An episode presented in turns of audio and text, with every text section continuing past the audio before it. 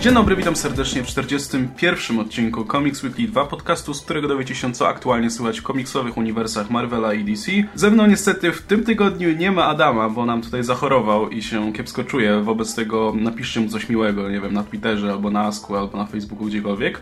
E, ale jest ze mną Oskar Rogowski, komiksomaniak. Cześć wam. No i zaczniemy może od pewnego przedłużenia tematu z poprzedniego tygodnia, bo mówiliśmy tydzień temu o tym, co się dzieje w Fox, że, że tam szefostwo postanowiło, że spróbuje zrobić coś z tymi swoimi ekranizacjami, które trochę utknęły w martwym punkcie.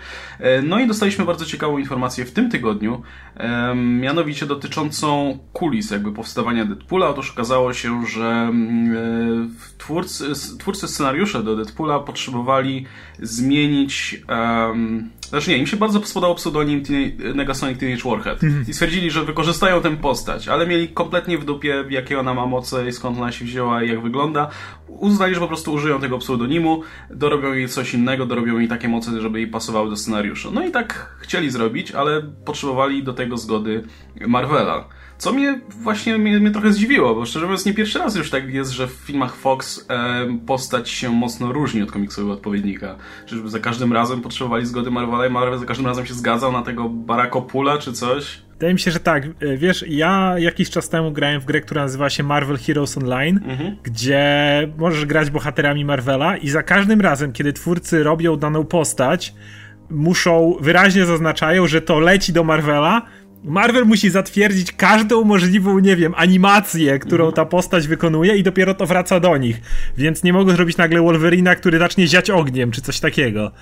Więc Marvel najwidoczniej, mimo tego, że sprzedaje, czy w tym wypadku wypożycza prawa do swoich postaci, to cały czas sprawuje nad tym władzę. I wydaje mi się, że w momencie, kiedy wychodzi na przykład Wolverine Geneza i był ten cudowny Deadpool, Marvel Studio wtedy jako takie nie istniało i wydaje mi się, że podchodzili do tego dosyć mocno po macoszemu, bo te prawa i tak nie należały do nich i tak nie, nawet jeżeli by do nich kiedyś wróciły, to co z tego? A teraz jesteśmy w zupełnie innym punkcie i teraz Marvel sam musi dbać też o takie rzeczy. Więc jeżeli chce, ma być coś zmienione, no to oni muszą liczyć się z tym, że kto wie, czy za 7, 8, 10, 15 lat Negasonic Teenage Warhead nie wróci pod ich skrzydła na przykład. No tak, tak. Zresztą to ma sens, bo widać jednak, że te filmy Fox są teraz bliższe komiksom, jeśli chodzi o zerwanie tak. postaci, tak. nie? Dzisiaj już raczej nie dostalibyśmy Psylocke, która się stapia ze ścianą, jak w Last Stand, czy Kid, Kida Omegi z kolcami, albo właśnie wspomnianego tutaj Deadpoola z X-Men Origins.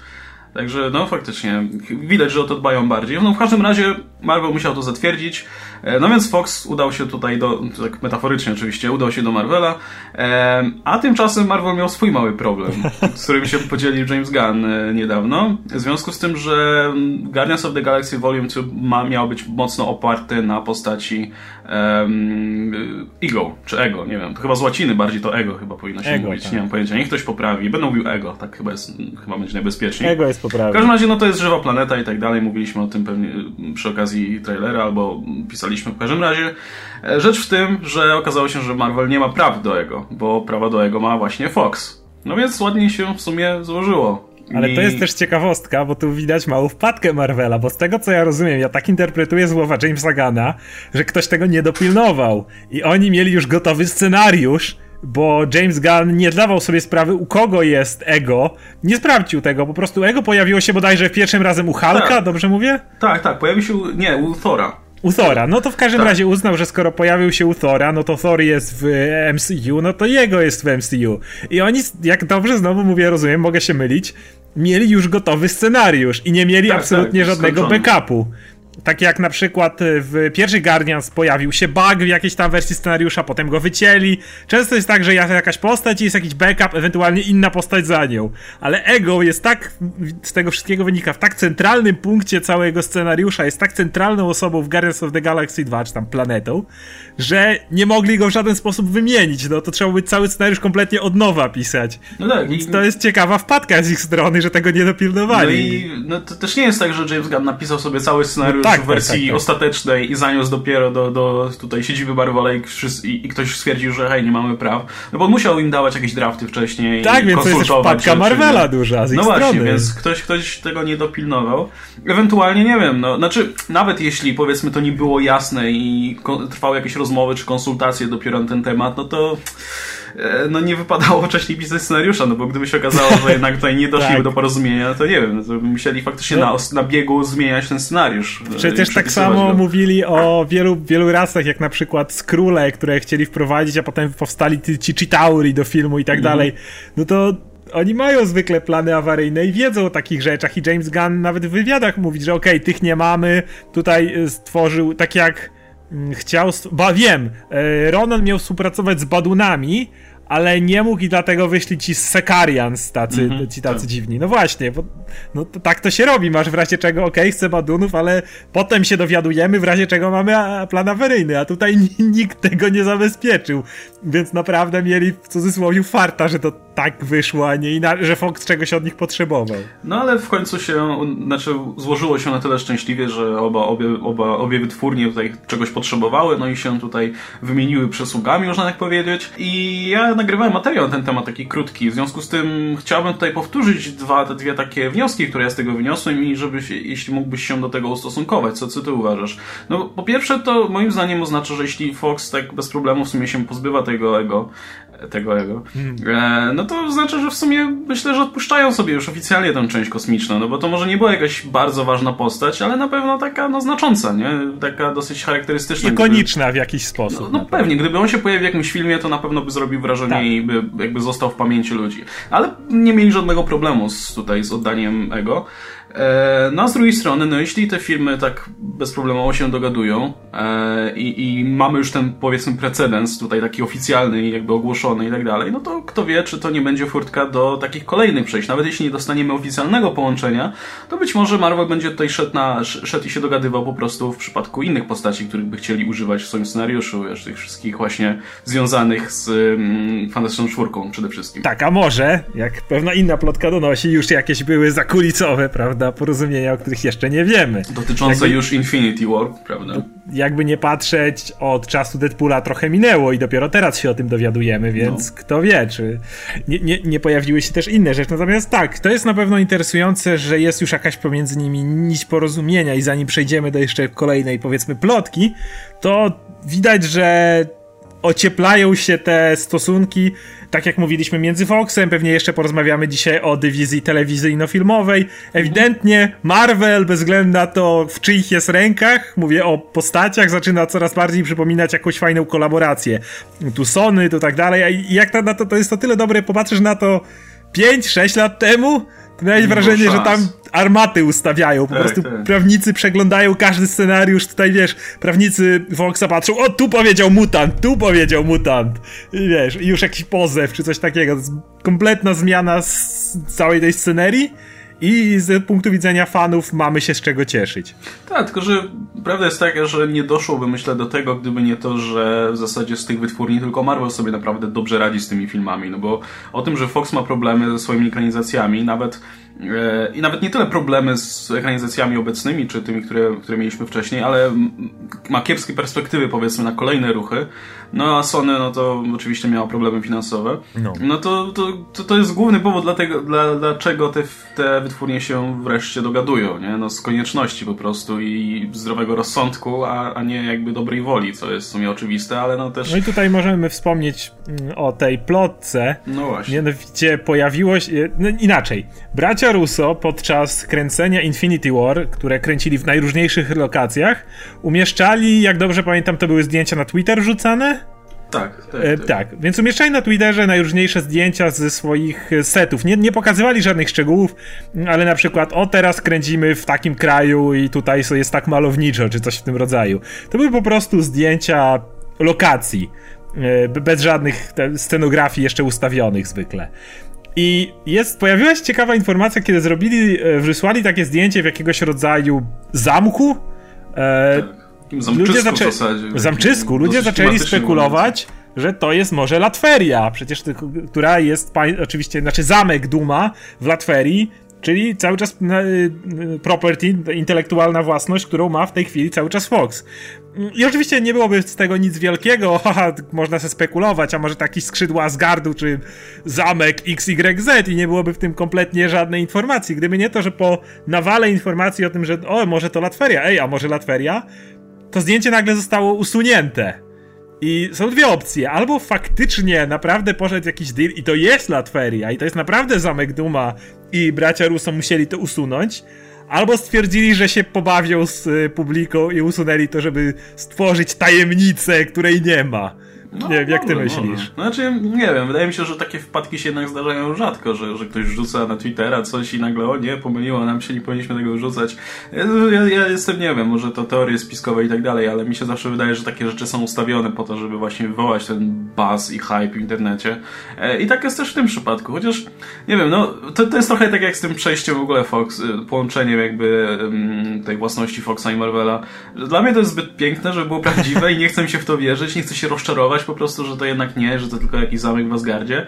No jarałbym się bardzo, no, gdyby, gdyby się okazało, że, że Doktor Doom trafi do MCU, no to no nie wiem, no to, to, jest, to by było coś. No ale właśnie, z drugiej strony, po co by to wrzucali i po co by to usuwali? Po to nie? usuwali, o to mi chodzi. Gdyby, gdyby to zdjęcie pozostało ze spekulacjami... Może to jest jakaś lokacja, która ma być niespodzianką, ale niekoniecznie Latveria, nie? Może to jest związane jakoś, nie wiem, z czymś istotnym w filmie i dlatego woleli się tego pozbyć. Albo, nie wiem, może wrzucą to za jakiś czas dopiero, nie mam pojęcia. Według mnie, gdyby to zostawili, to nie byłoby z tego wielkiej afery. No Ludzie by gdzieś tam spekulowali, ale nikt by tego nie brał na poważnie. Natomiast to zniknięcie tego zdjęcia było wyjątkowo tutaj. To, to jest historia, a nie, a nie, że ono jest bo to jest jakiś zamek. No, zobaczymy, w każdym razie jest to interesujące, że to zdjęcie zniknęło. Czekamy oczywiście na dalsze tej ruchy współpracy Foxa i Marvela, no bo nieraz oznaczaliśmy, że jednak to jest to coś, na co najbardziej czekamy, no bo Fox ma kurczę prawa do tylu postaci, że aż tak. szkoda, że się marnują. To jest najgorsze, że one się marnują, nie? Tak, dokładnie. Jest, jest świetne postacie i nie mówimy tu o, o mutantach, którzy są gdzieś przy, przy Foxie, wiadomo, bo tutaj, czy się marnują, czy nie, no to kwestia, w każdym razie jest szansa, że zostaną gdzieś wykorzystane. Natomiast całe wszystko przy Fantastycznej Czwórce, czyli Kang, Annihilus, Galactus, Silver Surfer, to po prostu tak leży odłogiem i wiesz, że tego nikt nie ruszy i to jest takie smutne. No właśnie. No i jeśli już mówimy w takim razie o własnościach intelektualnych, których nikt nie ruszy, to przez jakiś czas wydawało nam się, że, że e, taką pozostaną Inhumans. No bo to był temat, który się w naszym podcaście jakoś tak przewijał co jakiś czas, bo najpierw mieliśmy informację o tym, że ma być film, potem ten film przekładano, potem się okazało, że jednak zostaje przełożony na czas nieokreślony. Aha. Potem dostaliśmy informację, że telewizja ABC będzie mogła tutaj prezentować nam tych naj, najważniejszych, najpopularniejszych Inhumans, co skojarzyliśmy z tym, że prawdopodobnie w Ages of Shield, że prawdopodobnie w Ages of Shield pojawią się Black Bolt, Rodzina Królewska i tak dalej. A ostatecznie okazało się, że prawda jest inna, że telewizja ABC wyemituje serial Inhumans. E, właśnie opowiadający tutaj o tej rodzinie królewskiej, mm, e, który ma nie być jakoś specjalnie powiązany z Ages of S.H.I.E.L.D. To ma być taka swoja własna historia. E, niejako film po prostu został zamieniony, projekt filmowy został zamieniony na projekt serialowy, plus jeszcze dwa pierwsze odcinki mają być emitowane w IMAXach we wrześniu, serial pojawi się w październiku w przyszłym roku. No co, co ty myślisz, słuchaj? Cieszę się z tego, że Inhumans jednak trafią tutaj w jakiejś formie do kin i, i telewizji? Bardzo się cieszę, bo to są bardzo interesujące postacie, które które ostatnio cieszyły się trochę złą sławą ze względu na to, że były dos- zbyt mocno promowane, a jak ci ktoś ciśnie czymś w twarz, no tak. choćby nie wiem co, to w końcu zaczynasz się do tego zniechęcać. Natomiast sam koncept rodziny królewskiej Humans był rewelacyjny. Ja ich zawsze uwielbiałem. Tak, przy tym ostatnim nieszczęsnym zestawieniu z X-Men, no wolę X-Men, wychowałem się przy X-Men, ale nie zmienia to faktu, że Inhumans też mnie zawsze fascynowali, bardzo ich lubiłem. Black Bolt jest uważam bardzo świetnie po prostu stworzoną postacią. Idea władcy, który nie może się odzywać, jest sama w sobie interesująca i w, na filmie był, był to niezwykły wymóg od aktora, żeby, żeby e, przyciągnął widownię, żeby nam zależało na tej postaci, a jednocześnie nigdy nie usłyszelibyśmy żadnej jego kwestii dialogowej. Zawsze uważałem to za no, dosyć ciekawy zamysł, więc absolutnie się cieszę, że, że to powstanie. Natomiast to u mnie rodzi całą masę pytań. Po pierwsze, czytaliśmy o tym, że część będzie się działa na Księżycu. No to już automatycznie wiemy, Atilan, miasto Inhumans będzie znajdowało się na Księżycu.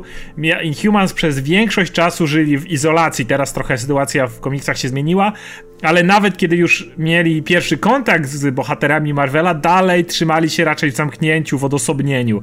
Więc w tym wypadku jest to sprytny pomysł, żeby odciąć, a jednocześnie nie zaprzeczać, czyli ulubiona zabawa Marvela w przypadku filmów i seriali. Umieścimy sobie ich na Księżycu i mamy wyjaśnienie, dlaczego pomimo tego, że na całej Ziemi zaczęli pojawiać się Inhumans, rodzina królewska się tym nie zainteresowała. No bo siedzieli w tej swojej bańce na Księżycu i tam ich to nie ruszało.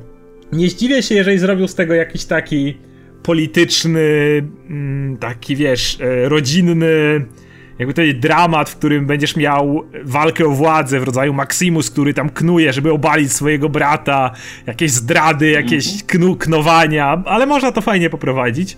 Mm, oczywiście ciekawi mnie, jak będzie z budżetem, bo o tyle co no Black Bolt przez większość czasu to Black Bolt, y, no, ale no pierwsza rzecz to oczywiście Lockjaw, te, mhm. czyli wielki pies teleportujący się, to jest ciekawostka. On sam jest monstrualnych rozmiarów, więc to już samo będzie wymagało efektów specjalnych. Oczywiście włosy meduzy, które do tej pory nie wyobrażam sobie jak zrobić, żeby nie wyglądały kiczowato na ekranie. E, no to, to jest dużo pytań, które, bo o tyle co w e, budżecie filmowym jakoś bym to widział, żeby to obeszli, no budżet serialowy to nie to samo. No jasne. No i jeszcze ostatnia rzecz, która mnie ciekawi, czy mimo tego, że mogą to wprowadzić w sposób, nazwijmy to, odosobniony, czy jednak nie jest to jakieś wyjście, wyciągnięcie ręki do jakiegoś jednak lekkiego już mostu pomiędzy filmem a serialem? No bo z drugiej strony to jest jednocześnie i film, i serial w pewien sposób, no bo jednak jest to wyświetlane w kinach IMAX, te dwa pierwsze odcinki, e, kręcone kamerami IMAX, więc to jest taka hybryda, można powiedzieć, pomiędzy serialem a filmem jak Marvel opublikował tą informację, no to podchwyciły to oczywiście wszystkie inne serwisy i zaczęły pisać. E, potem Marvel opublikował też trochę rozszerzenie tego. E, pojawiały się kolejne informacje, między innymi właśnie o charakterze serialu, o tym, że ma mieć 8 odcinków, o tym, że właśnie nie będzie, że będzie czymś zupełnie nowym, nie będzie związany z agentami i tak dalej. A potem jakby wszystko zniknęło ze strony Marvela. Właśnie, znowu, kurczę, znowu mhm. usunęli wszystko. Jak teraz wejdziesz na Marvel.com, to tam nie ma absolutnie nic o Inhumans. Jest tylko strona poświęcona Inhumans, gdzie nic nie ma. Jest tylko samych Inhumans. Jakieś, wiesz, newsy sprzed roku. E, nie ma nic, kompletnie. Nie mam pojęcia dlaczego. Może, nie wiem, może stwierdzili, że za wcześnie to ogłosili, jeszcze chcą dopracować jakby kampanię tutaj informacyjno-marketingową, nie wiem. Ale na, na dzień dzisiejszy te wszystkie informacje są trochę plotkami, no bo nie ma potwierdzenia ich za bardzo. Więc y, też tak trochę. To, to, chciałem tylko zaznaczyć, że to są jednak w jakimś tam sensie spekulacje. Tak. Bo tak. to, że to. No, nawiąz, nawiązanie do tego, że mówisz, że to jest trochę jakby pomoc między filmami a serialami. No na pewno myślę, że budżet będzie większy, bo jeśli, no, jeśli już pakują to do kin, no to myślę, że się postarają, żeby to wyglądało jakoś sensownie. Właśnie. No i to będzie tylko 8 odcinków, nie? To nie będzie jeden tak. długi sezon na 20 odcinków, tylko 8. I no myślę, że to trochę, myślę, że będą brać trochę jednak wzór z Netflixa, nie? Przy tym, że, że wydaje mi się, że to będzie taki serial z jedną konkretną fabułą, jeden duży film po prostu, nie? Tak. E, jakaś saga właśnie rodziny królewskiej, nie? Z, właśnie z intrygami dworskimi i no tak, tak dalej, i tak, tak tak to się zapowiada i w ten sposób można to zrobić trochę na uboczu. No, no trochę, trochę, ale z drugiej strony jednak jakby nie patrzeć, wszelkie postacie, które tutaj porozstawaliśmy w serialach, czy są to Agents of S.H.I.E.L.D., to pomijając oczywiście Hive'a, ale on był zły, czy coś takiego, ci bohaterowie do tej pory to były raczej postacie kojarzone z ulicznymi mocami, działające w cienia. Może Ghost Rider jest na przykład bardzo potężną postacią, ale jednak nie kojarzysz go z kimś, kto wtrąca się w duże intrygi świata. Nie, nie. Jeździ sobie na uboczu, się pojawia z nienacka. Dokładnie, bez względu na to, jakby potężny nie był. Black Bolt to już jest troszeczkę inna rozmowa w tym miejscu.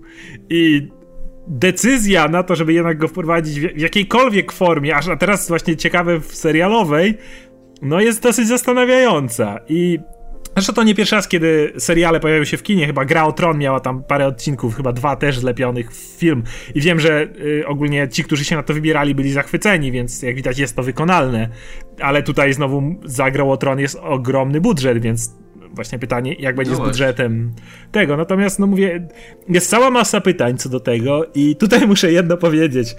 Chociaż narzekamy na filmy robione przez Warnera y, przy marce DC i chwalimy zwykle te od Marvela, jest jedna rzecz, którą zdecydowanie Warner przebija na web Marvela, czyli e, PR marketing, marketing ogólnie. No, oni potrafią filmy, które ostatecznie wychodzą nie najlepiej rozreklamować do takiego stopnia, że, na, że wszyscy się nimi jarają w pewnym momencie, no poza największymi sceptykami, którzy już się zrazili tyle razy. Nie nie znam takich.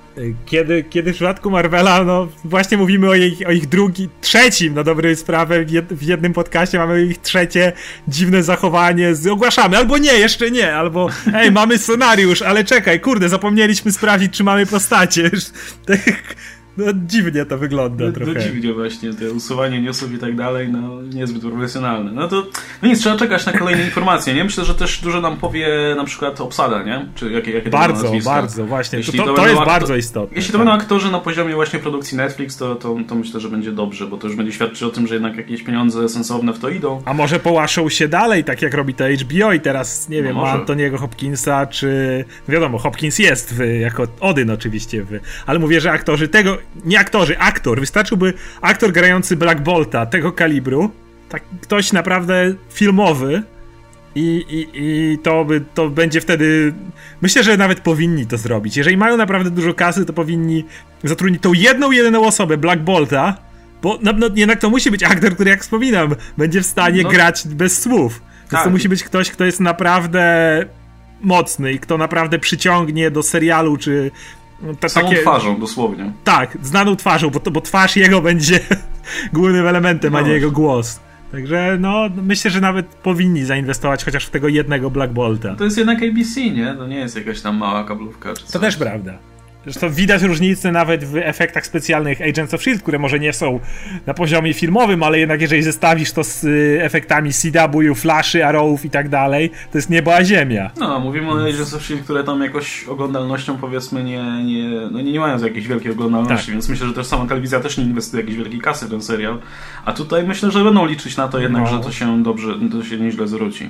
W takim razie tyle chyba, jeśli chodzi o to. Będziemy, tak jak mówię, zobaczyć, co tam dalej z tym, z tymi projektami. Naprawdę ciekawe newsy właśnie z takiej tutaj natury telewizyjnej. Bardzo niespodziewane, trzeba przyznać. Nikt się, nikt niespodziewane, się tak, bo to nagle zupełnie wyskoczyło. Tak, i to, i to jest jeszcze jedna rzecz, tylko powiem, że może przydać się to w dalszym rozwoju mark Inhumans. Jeżeli teraz wracamy trochę do X-Men przy Resurrection yy, i Inhumans może znowu wrócą do podstaw, do, do tego rdzenia, czym oni są. No tak, Czyli są jednak tą serial... rodziną królewską, a, wo, a, tak. a, wszyscy poddani wokół nich to są jakby dodatkowe historie, ale jakby to jest, to jest ta zasadnicza różnica między X-Men, którą e, Marvel Now, o którym pewnie sobie jeszcze chwilę pogadamy, trochę próbował zatrzeć na niekorzyść Inhumans, bo trochę zatracili ich tą um, no, tą, to, to, tą charakterystykę Inhumans. W momencie, w którym spróbowali ich bardziej rozrzedzić właśnie na styl X-Men, ale to X-Men są tymi zwykłymi ludźmi, którzy mają moce, a Inhumans to jest kraj.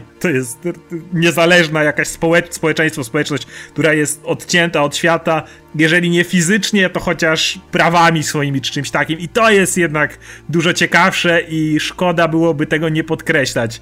I liczę na to, że w komiksach dzięki serialowi też do tego wrócą, bo to będzie ciekawsze. No właśnie, no myślę, że prędzej czy później na pewno do tego wrócą, no bo jeśli będziemy mieli serial o klasycznej rodzinie królewskiej, to, to komiksy nie będą, chciały, nie będą chciały być z tyłu. Tym bardziej, że no jednak to są te twarze, które przyciągają fanów jednak. Pewnie. Nie, Myślę, że, że fani lubią tych, tych młodych Inhumans, ale jednak no, nie obraziłbym się. głównie dla tych klasycznych. Nie? nie obraziłbym się, że ci młodzi kiedyś by się tam pojawili, ale jednak trzeba zacząć od Black Bolta, Meduzy, Karnaka no i tak dalej. No to, to, to jest rdzenie jakby te, tego, tego całego świata. No dobra, to w takim razie przejdźmy sobie, tak jak tutaj um, wspomniałeś, do Marvel Now. No bo tak, to jest temat, o którym w sumie od dawna chciałem powiedzieć, ale jakoś nie było okazji. Marvel Now, czyli ta linia wydawnicza Marvela, która w zasadzie E, którą teraz polscy czytelnicy poznają dzięki Egmontowi. E, no i była to inicjatywa, która postanowiła, że trochę pozmienia e, rzeczy w uniwersum Marvela, trochę je skonsoliduje i no, była czymś w rodzaju bardzo, bardzo miękkiego restartu. To znaczy historie się zazwyczaj zaczynały od jakiegoś nowego wątku, jakichś nowych historii, tak żeby nowi czytelnicy mogli to czytać. No a mówiliśmy, myślę, że nie, nie, nie raz nie dwa o Marvel Now, natomiast pojawi się, pojawiło się takie dosyć ciekawe zestawienie na Comic Book Resources. Swoją drogą często dostaję pytania, pewnie ty też, e, skąd biorę newsy, albo skąd, nie wiem, dowiaduję się o rzeczach związanych z komiksami i tak dalej. No ja zazwyczaj to biorę właśnie z Comic Book Resources, ja bo się przyzwyczaiłem już i tutaj tak wszystko jest w zasadzie, także jest tego dużo, czasami trudno to ogarnąć, trzeba filtrować to, co, to, co jest nieciekawe, ale jest mniej więcej wszystko. No i jednym z tych właśnie, z, oni często publikują, zresztą mają bardzo fajne takie artykuły o klasycznych komiksach, jakieś rzeczy w ogóle wyciągane tam z annałów historii, a czasami mają właśnie dosyć ciekawe zestawienia. No i jednym z nich właśnie było Marvel Now 15, 15 Things uh, It Got Right the First Time. Mm, czy, no w momencie, kiedy Marvel Now wyszło, to faktycznie no, wprowadziło parę nowych rzeczy, jakby nadało tor, powiedzmy, rozwojowi tutaj uniwersum Marvela na, na, na, no, na długie lata. W zasadzie do dzisiaj widzimy pewne zmiany, parę rzeczy odwrócono, ale wiele rzeczy zostało. No jest tych 15 punktów, więc przejdziemy przez nie sobie, przez niektóre bardziej ekspresowo, przez niektóre e, trochę, powiedzmy, zostaniemy przy nich dłużej, bo tak jak mówiłem, rzecz w tym, że zawsze chciałem o tym pogadać, a tutaj mamy dobre ramy, jakby, do, żeby, żeby wiele aspektów tutaj Marvel Now krótko omówić.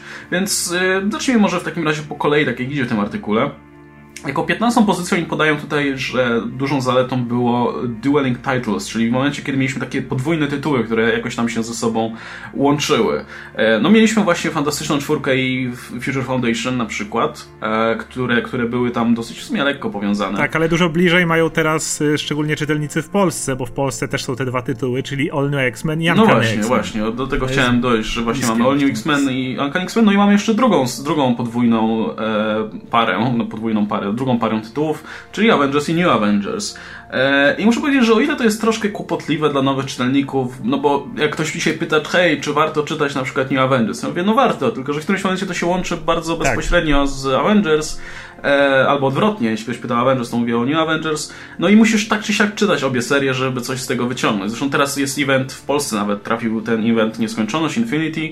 Później będzie na przykład e, Time Runs Original Out. Sin. No właśnie, Original Sin wcześniej, potem Time Runs Out, e, a potem jeszcze Secret Wars. Jeszcze gdzieś po drodze Axis, które też to... No, znaczy Axis zbierało trochę inne serie. Ale... Generalnie to są tytuły niby o dwóch różnych ekipach, ale, ale trzeba je czytać jakby łącznie. I w przypadku X-Men może aż tak nie ma, bo ja pamiętam, że ja na przykład czytałem tylko Uncanny, nie, tylko New X-Men na początku i wcale mi to nie przeszkadzało tak, do któregoś momentu. Się. Ale potem jak zacząłem czytać też Uncanny X-Men, to, to bardzo mi się, jeszcze bardziej mi się to podobało, bo w tej serii przynajmniej na samym początku było tak, że pewne sceny były na przykład pokazane z dwóch perspektyw. Dosłownie była, była na przykład ten moment, kiedy Cyclops tam e, wraca do szkoły tak. Jean Grey i próbuje, no i oferuje po prostu miejsce w swojej szkole. No i w All New X-Men widzimy to z perspektywy właśnie Wolverina i Storm i całej reszty, a w Uncanny X-Men widzimy to z perspektywy tutaj tych mm, towarzyszy Cyclopsa, więc to, to było ciekawe.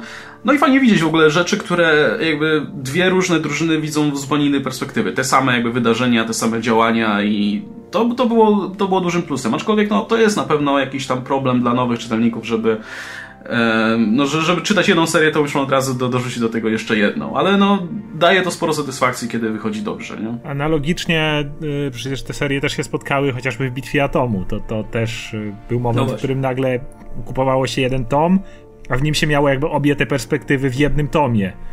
To wcześniej można było jakby cały czas przez to przechodzić. To oczywiście miało swoje wady, kiedy szczególnie tutaj piszący Bendis, y, właśnie przy X-Men, który jak trochę czasami zaczynał się nudzić z jedną stroną, to widać, że jedna część była po macoszemu, druga tak, tak. już... I te serie, od razu mogę powiedzieć, później się mocno rozstają.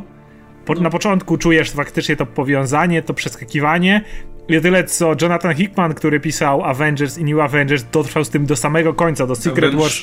Zaciśnił bardziej jeszcze tak, pod koniec. Tak, te, te serie pod koniec to, to, to, właściwie są. To tak naprawdę jest jedna seria tak, później, która przy przeskakuje. Time, przy Time Runs Out się czyta to w ogóle na przemian, nie? Jak, jak jedną serię. Tak, więc... ta, tam już to nie są różne perspektywy, tylko ciąg wydarzeń z serii, na, z zeszytu na zeszyt. O tyle w X-Men jest dokładnie odwrotnie i te serie później znalazły się po prostu w zupełnie innych miejscach i tutaj już, e, czy lepiej, czy gorzej, to, to, to, to, można oceniać, ale, ale no mówię, to ma swoje zalety i ma swoje wady. Kwestia tego, na jak duży ma plan sam, sam mm, autor, jak duży ma plan redakcja i jak bardzo na to reagują, bo ewidentnie Jonathan Hickman miał plan od początku do końca. No, Jonathan Hickman ma zawsze plan od początku do końca. Tak.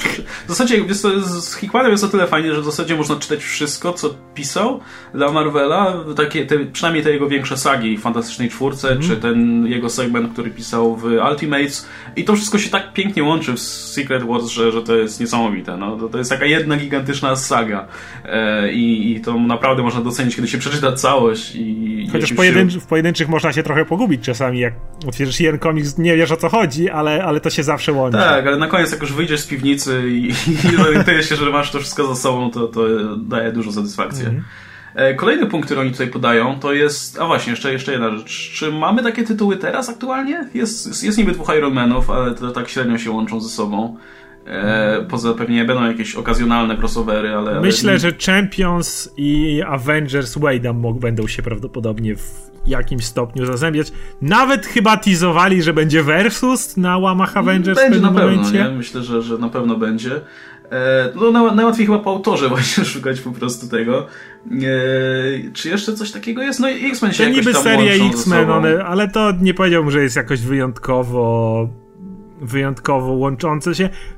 No, do, od czasu do czasu widzimy przeplatanie się Spider rodziny. Na przykład niedługo będą -hmm. przeskakiwać między sobą komiksy Milesa i Gwen. E, ogólnie w Spider rodzinie, bo takich nazywam Silk, Spider-Man, w sensie Peter Parker i tak dalej to, ale to też nie jest do tego stopnia. To po prostu bardziej w stylu DC Bat rodziny, kiedy wiesz, że te postacie tak. trzymają się dosyć blisko siebie i ich odwiedzanie się nawzajem stosunkowo często jest normalne, ale to nie jest jednak to samo, co w przypadku Hickmana czy pocz początku Bendisa w przypadku X-Men, gdzie te serie faktycznie szły ramię w ramię.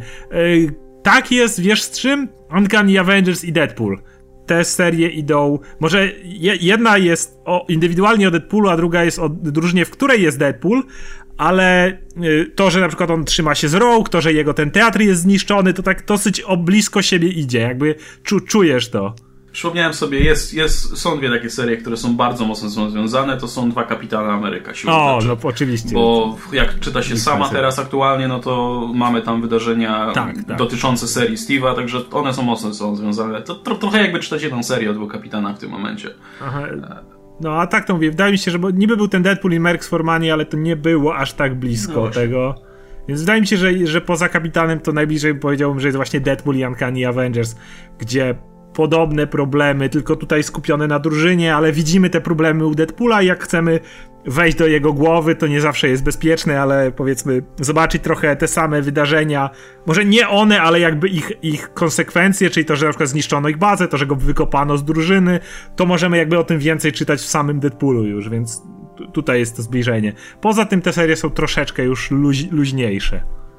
E, kolejna rzecz, którą tutaj podają, i z tym się właśnie zgadzam bardzo, bo to mnie mocno przyciągnęło. A, przepraszam, sorry, no. zapomnieliśmy o, o, jednym, jeszcze wrócę. E, mm, Spider-Man Milesa, Miss Marvel i Nowa. Te serie w pewnym momencie szły bardzo blisko siebie.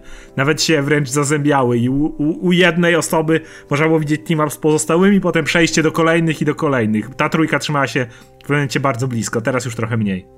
No teraz już no. mniej, chociaż teraz, są, teraz mają swój tytuł tylko dla siebie, nie? Tak, no wiadomo. E, kolejne, kolejna rzecz, którą tutaj podaję, z którą się bardzo zgadzam, bo w sumie to mnie przyciągnęło do komiksów, bo ja tak jakby takie regularne czytanie zacząłem właśnie od Marvel Now, to jest, e, tak jak oni to ujęli, diversity of genre, czyli no, różno, róż, zróżnicowanie gatunków. No i no, z tym, tym się zdecydowanie zgadzam. To mi bardzo odpowiadało właśnie w czytaniu komiksów z Marvel Now że no, mogłem z jednej strony czytać sobie komiks, który jest takim hardcore superhero jak, jak Avengers chociażby, e, z drugiej strony mieć komediowego Deadpoola, e, z innej strony mieć na przykład, nie wiem, Daredevila Wade'a, który był też specyficzną serią, taką trzymającą się na uboczu.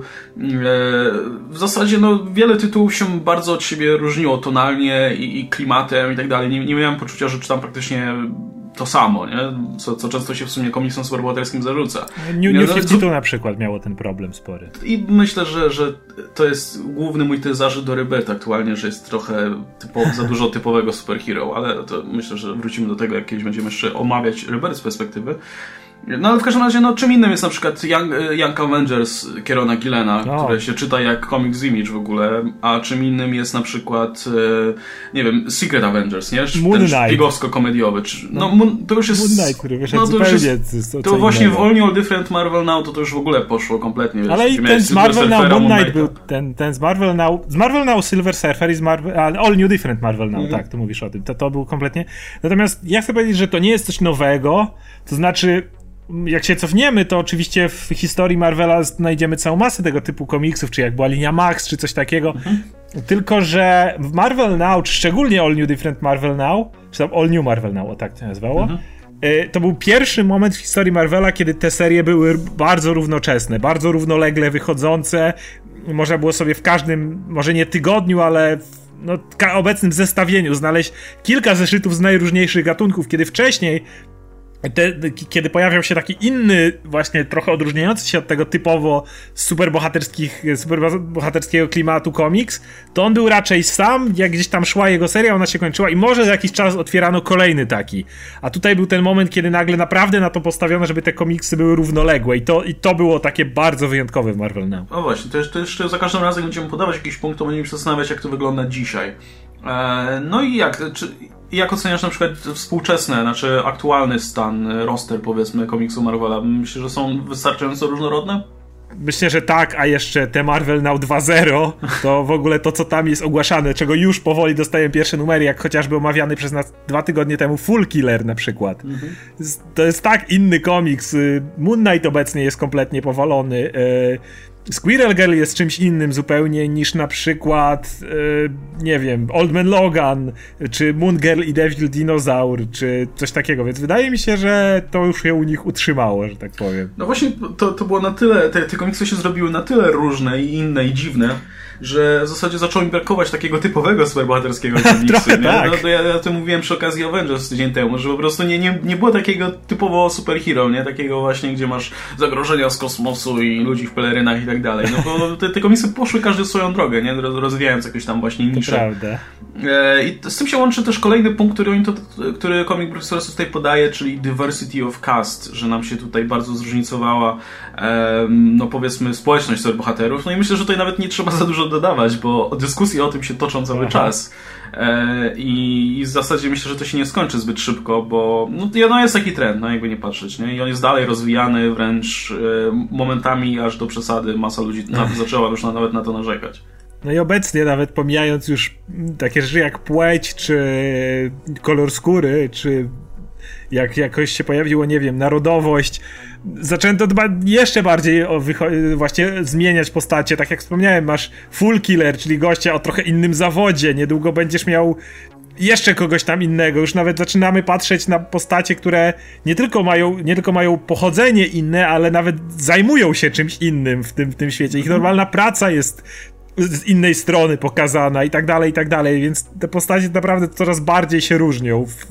Z najróżniejszych stron jest to pokazywane. I tak jak mówię, nie tylko właśnie etniczne, czy, czy orientacja, bo to jest oczywiście najwięcej burzy i dyskusji w ogóle w internecie, ale nawet te, te takie dodatkowe rzeczy, jak dostaliśmy w Marvel Now y, Moon Knighta, w którym, znaczy Moon Knight był dużo wcześniej, ale tutaj naprawdę mocno e, podkreś- zaczęto podkreślać ten jego motyw Mm, choroby psychicznej, znaczy ona była wcześniej, ale tutaj w ten sposób, że może Konszu nie istnieje, a nie tyle, że go doprowadza do szaleństwa. Więc jakby naprawdę człowieka, który jest chory psychicznie, a nie jest chory psychicznie, bo złe bóstwo nim, nim steruje, czy coś takiego. Więc no mówię, to, to, to po prostu Marvel Now wprowadził i to jeszcze bardziej się rozszerza z każdym następnym rozdziałem. Takie odnoszę wrażenie. Kolejny punkt na liście zalet Marvel Now to jest ciekawa rzecz. Mianowicie Hulk with Purpose I tutaj jest trochę mnie to dziwi, bo oni się tutaj odnoszą, w ogóle nie mówią o All New Marvel Now, mówią tylko o tym Marvel Now, tym wiesz, linii Aha. z 2012 roku. Oczywiście nie ma, nie ma przeszkód, żebyśmy nie, my nie mówili o kolejnych tytułach, ale oni się odnoszą do tego. I ja pamiętam tego Hulka Marka Wade'a, który nazywał po prostu Hulk i ja próbowałem to przeczytać, żeby sobie płynnie przejść do tego Hulka z Dockiem Greenem. Tak ale no mi się to nie podobało zupełnie. Mi to za cholerę nie podobało. Ten Hulk był tak tragiczny. To był ten Hulk, który miał tą zbroję i współpracował z S.H.I.E.L.D., o ile dobrze pamiętam. Tak. A nie, to się, to się nazywało Indestructible Hulk. Tak, kolejna Indestructible Hulk, Hulk po prostu. I, I on był tak nudny. Jak na początku, jak zobaczyłem ten nagłówek Hulk with Purpose, myślę, o, Doc Green! który był naprawdę świetnym mm. pomysłem na Hulka. Ale to nie jest Doc Green, to był ten Indestructible Hulk i no tutaj nie mogę zgodzić się z tym, że to była dobra seria.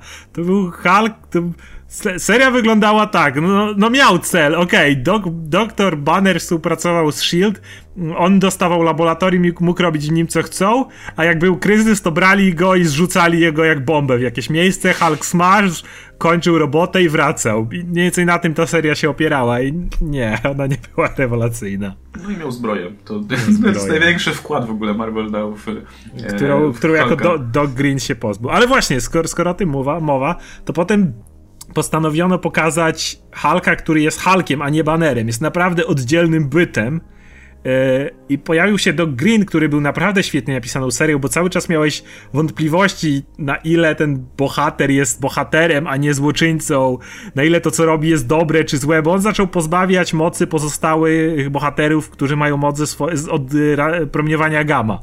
Czyli zabrał moc Red Hulkowi, e, A-Bombowi, e, ale sam ten komiks czytało się tak, to było bardzo intrygujące, a kiedy zrobił zakończenie, w którym on spotkał się z Jennifer Walters, ze swoją kuzynką She-Hulk i to było w ogóle tak rewelacyjnie napisane, kiedy stoi wielka obstawa bohaterów, mm. która nie, nie damy ci zbliżyć do She-Hulk, a on przyszedł do niej po to, żeby dać jej yy, ostatnie jakby, nie wiem jak to nazwać, serum czy broń, czy jak to nazwać. W każdym razie mówiąc, że on jej ufa, ponieważ Jennifer jest według niego najlepszą ze wszystkich Hulków. To jest jedyna osoba na świecie, której on nie chce zabrać te moce, bo to jest jedyna, która uważa, że może ich odpowiedzialnie używać i w sumie jak się stanowisz, to Jennifer no, nie przestała robić tego, co robiła do tej pory. No dalej była prawniczką, jakby dalej tak. jej życie nie zostało kompletnie zniszczone czy zmienione. Ona naprawdę korzystała ze swoich mocy odpowiedzialnie.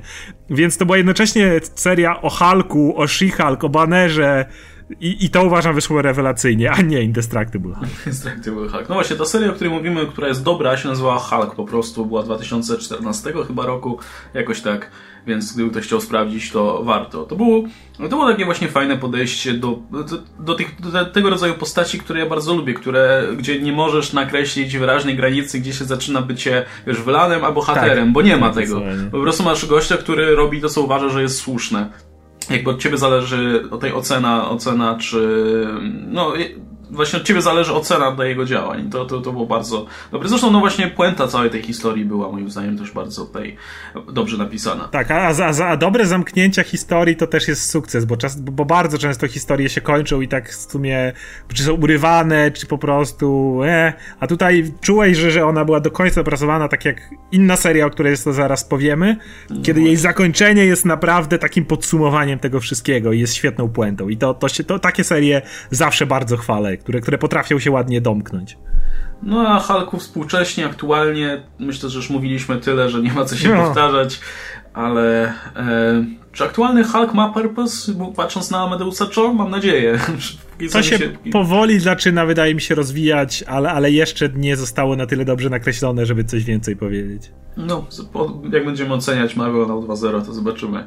E, kolejny punkcik, czyli kolejna zaleta Marvel Now według Comic Book Resources, to jest coś, z czym za bardzo tutaj nie mogę się, e, do czego nie mogę się odnieść za bardzo, mianowicie ruthlessness, czyli bezwzględność powiedzmy. No i tutaj podaję oczywiście przykład Avengers Arena, czyli tej takiego Battle Royale e, z, z młodymi bohaterami. No bo było tak, że narobi, narobili sporo tych takich superbohaterów, którzy, którzy w sumie byli odpowiednikami X-Men i nie bardzo był pomysł, co z nimi zrobić, nie? I po prostu ich zaczęto zabijać w serii Avengers Arena. Ale ty to czytałeś, więc jakbyś mógł powiedzieć, czy się zgadza, że to był, to był ciekawy wkład, powiedzmy, w Marvel Now, że miałeś taką serię, która się nie bała tutaj zabijać bohaterów. Tak, seria jest przede wszystkim bardzo kontrowersyjna, cała masa osób uważa ją za totalny gniot, z czym ja się nie zgadzam, bo uwielbiam serię Avengers Arena. Potem była jej kontynuacja e, Avengers Undercover, która nie była już tak dobra, natomiast Avengers Arena to był naprawdę bardzo ciekawy, było to naprawdę bardzo ciekawe podejście.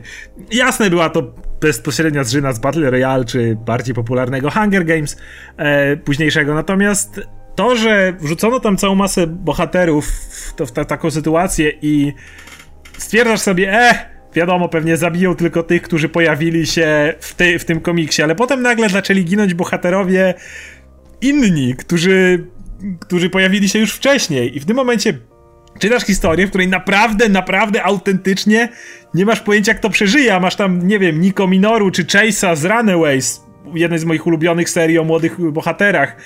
I naprawdę w momencie zaczynasz przejmować się, czy ci bohaterowie przeżyją, bo oni jednocześnie są przeze mnie uwielbiani ze względu na Runaways, ale to nie są bohaterowie z skórnej półki, to nie jest Wolverine, który wiesz, że kiedyś tam wróci, czy coś takiego. Jak oni tu padną, to koniec, no nie wrócą sobie od tego. I miałem naprawdę autentyczny fan, ale tak, tak z takim niepokojem czytało mi się Avengers Arena, ja tą serię uwielbiam, mimo że wiem, że cała masa osób jej nie znosi. Ja absolutnie to zachwalam, natomiast jeśli chodzi o Avengers Undercover, czyli kontynuację tego, to było tyle ciekawe, że sama seria, może sama historia nie była jakaś porywająca czy coś takiego. Ale z drugiej strony chciałem nam pokazać o grupie tych dzieciaków, która żyje w świecie pełnym superbohaterów i muszą sobie radzić z tym, co się tam stało, a jeszcze Arcade na końcu, jak sympatycznie wypuścił do internetu nagranie z całego przebiegu tego, tego całe, całej wydarzeń, więc ludzie wszyscy na świecie mogli obserwować, jak ci przyjaciele się nawzajem mordują. I jakby Undercover pokazywało, jak radzą sobie lub w większości nie radzą sobie z czymś, z czymś takim właśnie ci, którzy przetrwali tę arenę. I to było interesujące, też sama historia już nie wymiatała. Natomiast no, dodatkowo jeszcze warto wspomnieć, że na arenie pojawiła się i jedną z głównych bohaterek była Kami, którą y, fani Annihilation znają z tej serii, zresztą niedługo pojawi się w, po w, Polsce, już jest zapowiedziane w styczniu, tam poznacie Kami i na arenie Kami powróciła y, też taka zapomniana postać, ale z drugiej strony w jakiś sposób lubiana i, i uważam, że to był ciekawy eksperyment. E, no, mi pozostaje się zgodzić, albo może, może kiedyś przeczytam tę serię, ale jakoś nie, jakoś nie mogłem się wkręcić za bardzo. No ale jak, jak, jak słyszycie, to, to warto przynajmniej tutaj wierząc na słowo. Kolejna rzecz, z którą się myślę mogę zgodzić, to jest, to, to jest coś, co ciężko będzie przetłumaczyć. To jest character twist that worked. Czyli jakieś zmiany, powiedzmy, związane z bohaterami, które faktycznie coś wniosły i faktycznie działały tutaj w przypadku tych bohaterów. No i Book Resources jako przykład takich zmian podaje na przykład Origin Tonego Starka, który został wprowadzony właśnie w takiej sobie swoją drogą serii Kirona no, Gillena. Średniej bardzo. Wszystko to, co się działo w Avengers i New Avengers, co myślę, że no faktycznie sporo zmieniło, jakby nie patrzeć. W postrzeganiu e... wszechświata Marvela. No dokładnie i w zasadzie w ogóle całego uniwersum tam i, i tego, jak to wszystko działa. E, no i podają jeszcze tutaj jako przykład e, Origin Thanosa w Thanos Rising, też niedawno wydanego. Thanos powstaje, nie? Tak się nazywa po polsku, tak. też wydanego w Polsce.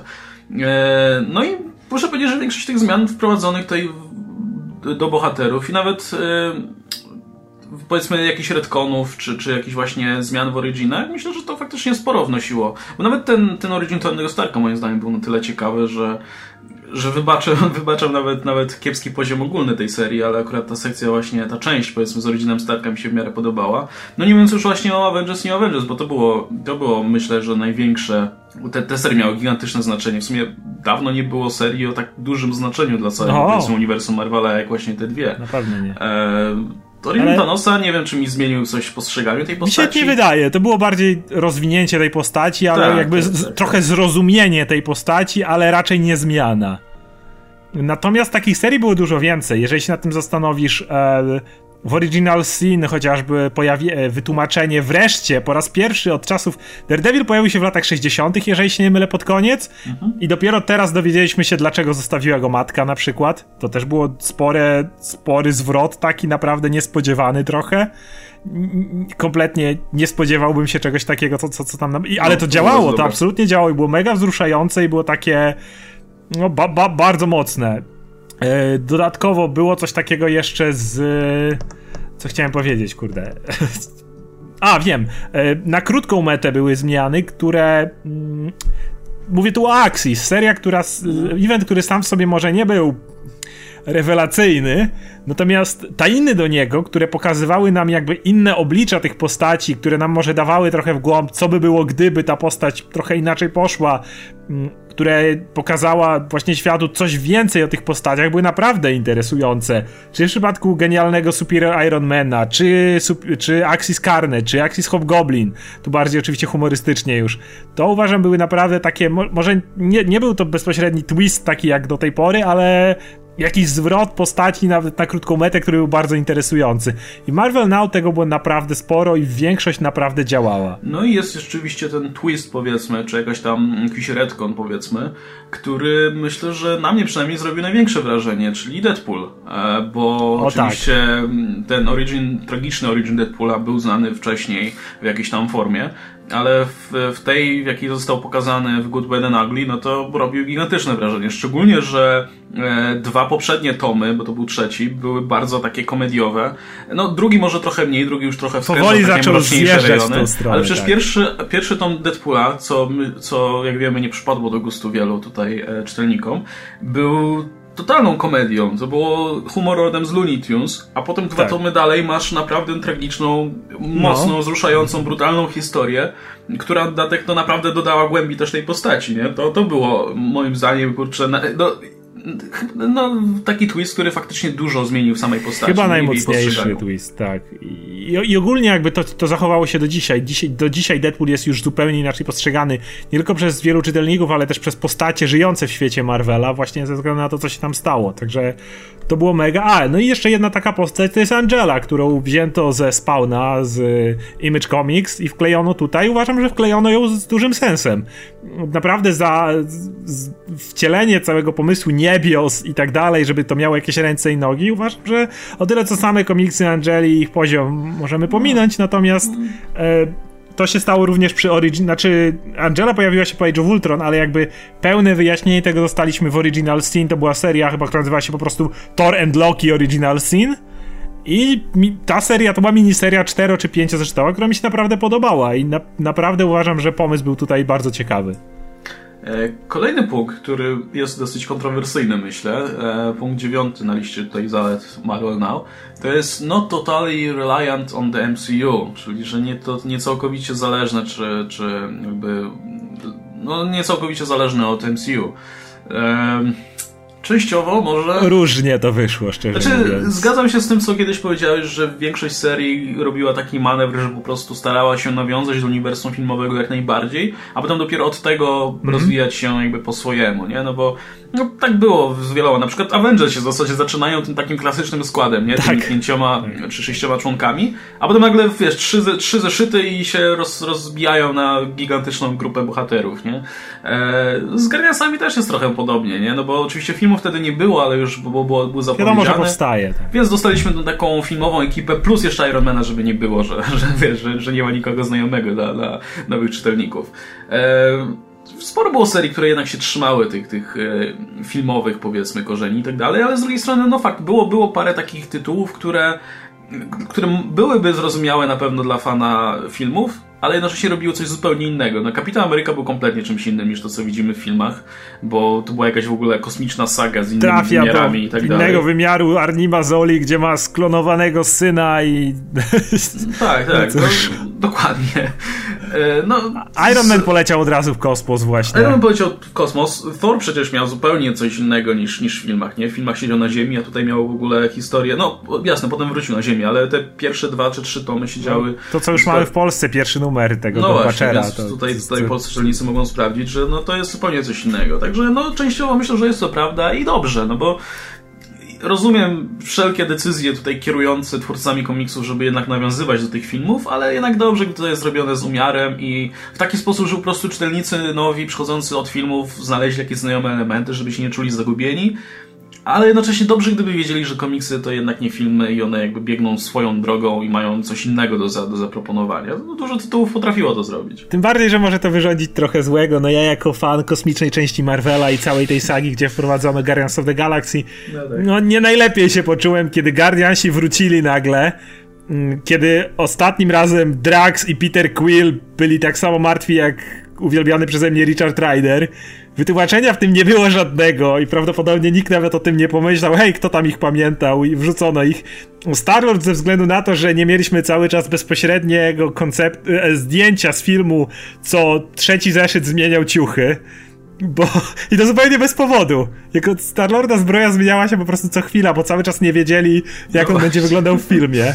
I to było dosyć dziwne. Potem na szybko doklejono y, niby dla fanów, a tak naprawdę na zasadzie odpieprzcie się wytłumaczenie, dlaczego oni teraz wrócili w tym składzie, co było tak po macoszemu, tak walnięte i to no kłóci się, kiedy jednak zbyt mocno, zbyt na siłę chcą wejść, to to przeszkadza. I, i tutaj muszę powiedzieć, że Marvel Now z jednej strony, tak jak mówiłem, dobrze, że w wielu seriach próbowano chociaż troszeczkę od tego zacząć, trochę dać ten, ten wygląd czy coś takiego, ale jednak cieszę się, że teraz Marvel jest na tyle już y, rozwinięty i zapamiętany, że generalnie już w All New All Different Marvel właściwie tego nie widać. Jak popatrzysz na tamte składy drużyn czy coś takiego, to w niczym nie przypomina filmów i myślę, że już nie jest to potrzebne. Nawet Starol się teraz doczekał e, nowego kostiumu, takiego nawiązującego tak. do tego, co nosił wcześniej, takiego mundurowego, także jeśli już ten ostatni bastion padł, to, to będzie tylko Gamora lepiej. nosi kaptur, mhm. e, także no już, już tutaj... Wiadomo, pamiętali się. No, na e, szczęście. No, no także, także chyba, chyba już ten punkt za nami. E, no, jak chyba się zachłysnęli po prostu tym, że nagle przychodzą ludzie, którzy pamiętają filmy. Chyba troszkę, troszkę za bardzo po prostu. Ze, ze szkodą dla fanów, ale z drugiej strony, no ciężko być tak totalnie przeciwnym, bo to zadziałało, bo Marvel Now no tak, tak. bardzo im dodał dużo sprzedaż i sporo ludzi dzięki podobieństwu do filmów sięgnęło po te komiksy, więc a może mimo tego, że osobiście mnie to gdzieś tam boli, to, to jakoś to jestem w stanie przełknąć, żeby no, więcej ludzi no, czytało komiksy. Jest, jest zrozumiałe, nie?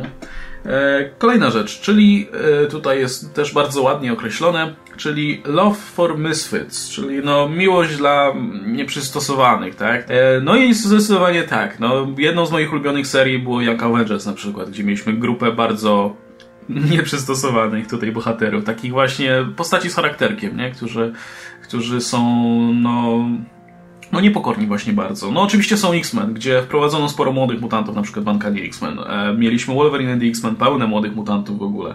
Mieliśmy przecież Legiona, nie? Legion w zasadzie. Tak X-Factor. mieliśmy X-Factor właśnie z antybohaterami. Mieliśmy tego Deadpoola oczywiście, nie?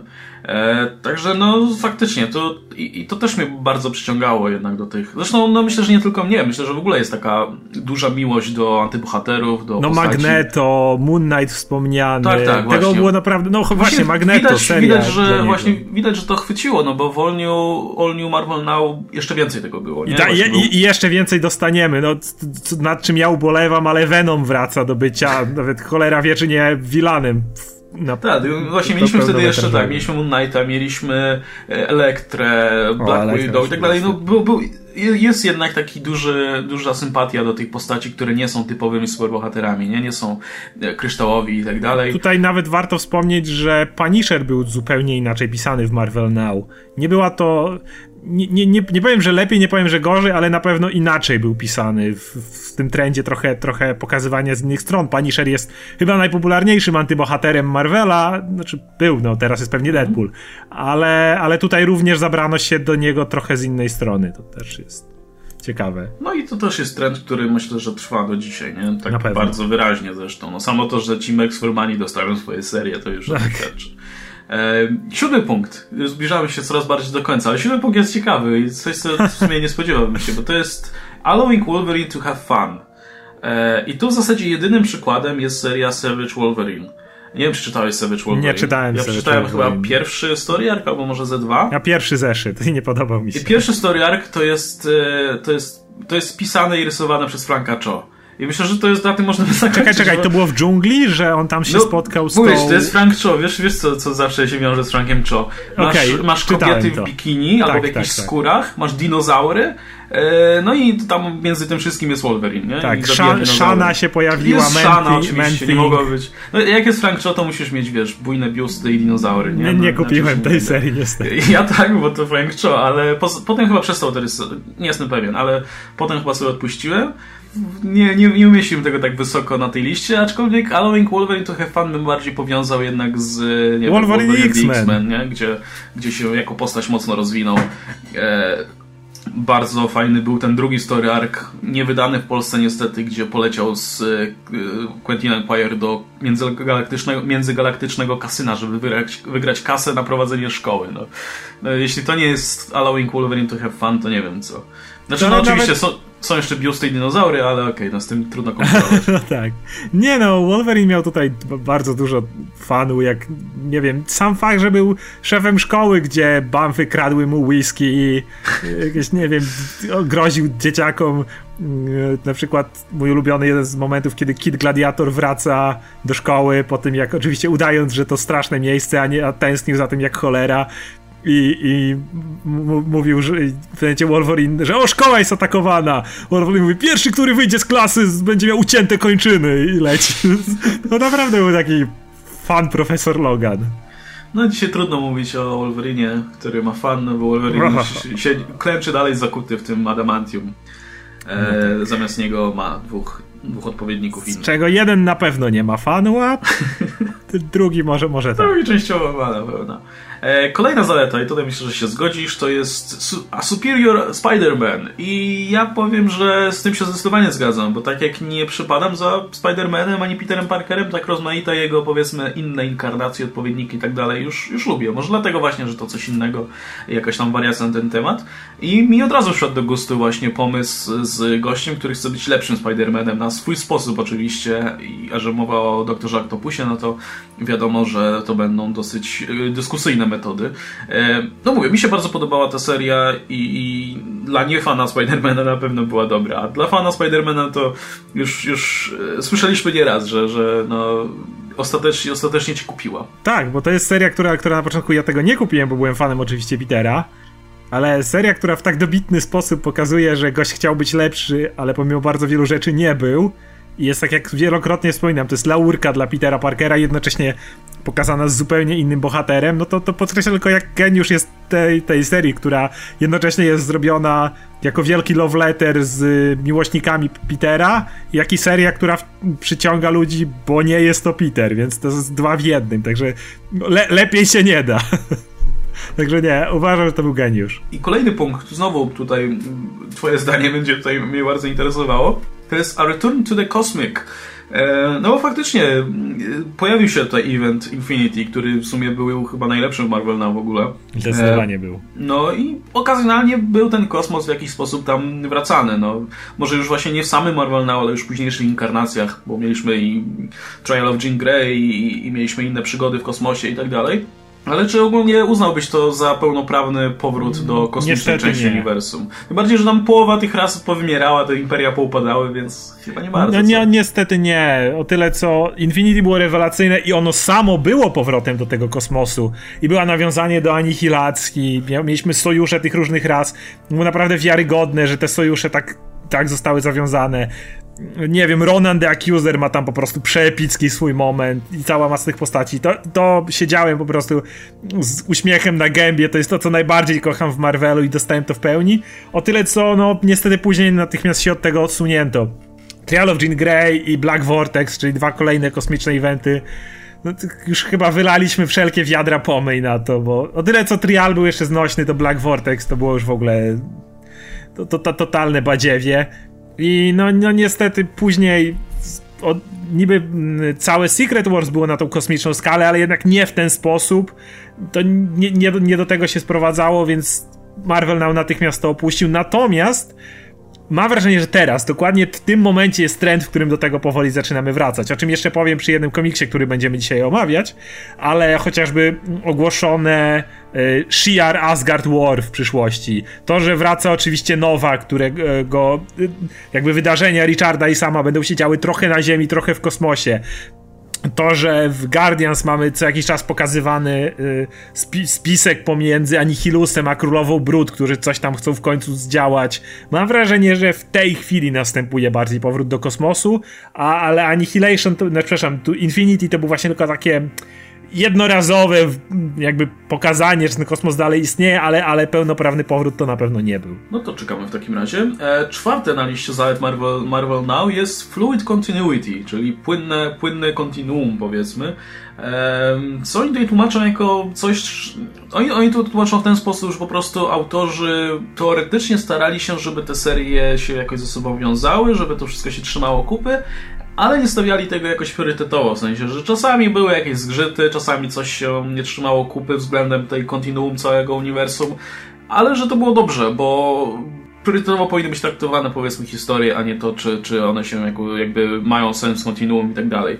E, znaczy ja się teoretycznie z tym zgadzam, też, też wolę jak historia się nie trzyma kupy względem powiedzmy innych wydarzeń w uniwersum, ale sama w sobie jest dobra, oczywiście idealny jest, idealnie jest, kiedy się łączy z uniwersum, jest, jest dobra, natomiast nie wiem, czy zauważyłem jakoś mocniej to w Marvel Now. Ty, ty czytasz dłużej komiksy regularnie, więc nie wiem, jak się do tego odnosisz. Z Marvel Now, z Marvel Now zrobili to dobrze, ale to, to są wielkie pułapki, w które ostatnio przy Civil War wpadł chociażby Bendis.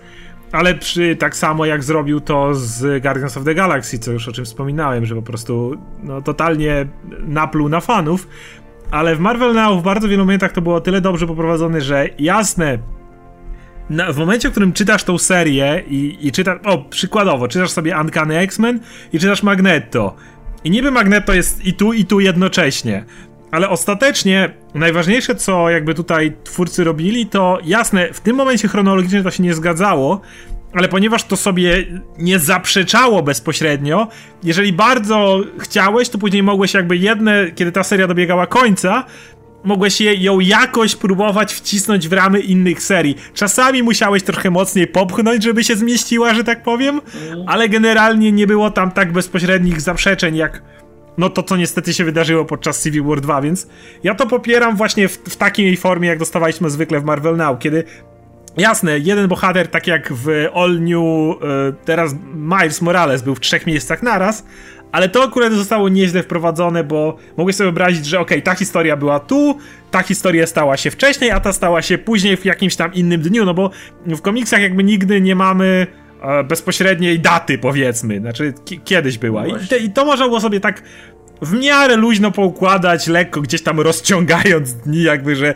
musiał zrobić 50 rzeczy w dwa dni, czy coś takiego, ale z małym przymrużeniem oka to się mieściło i póki to jest tak prowadzone i tego Marvel Now, ja to absolutnie popieram, to faktycznie działa i historie są wtedy pisane lepiej.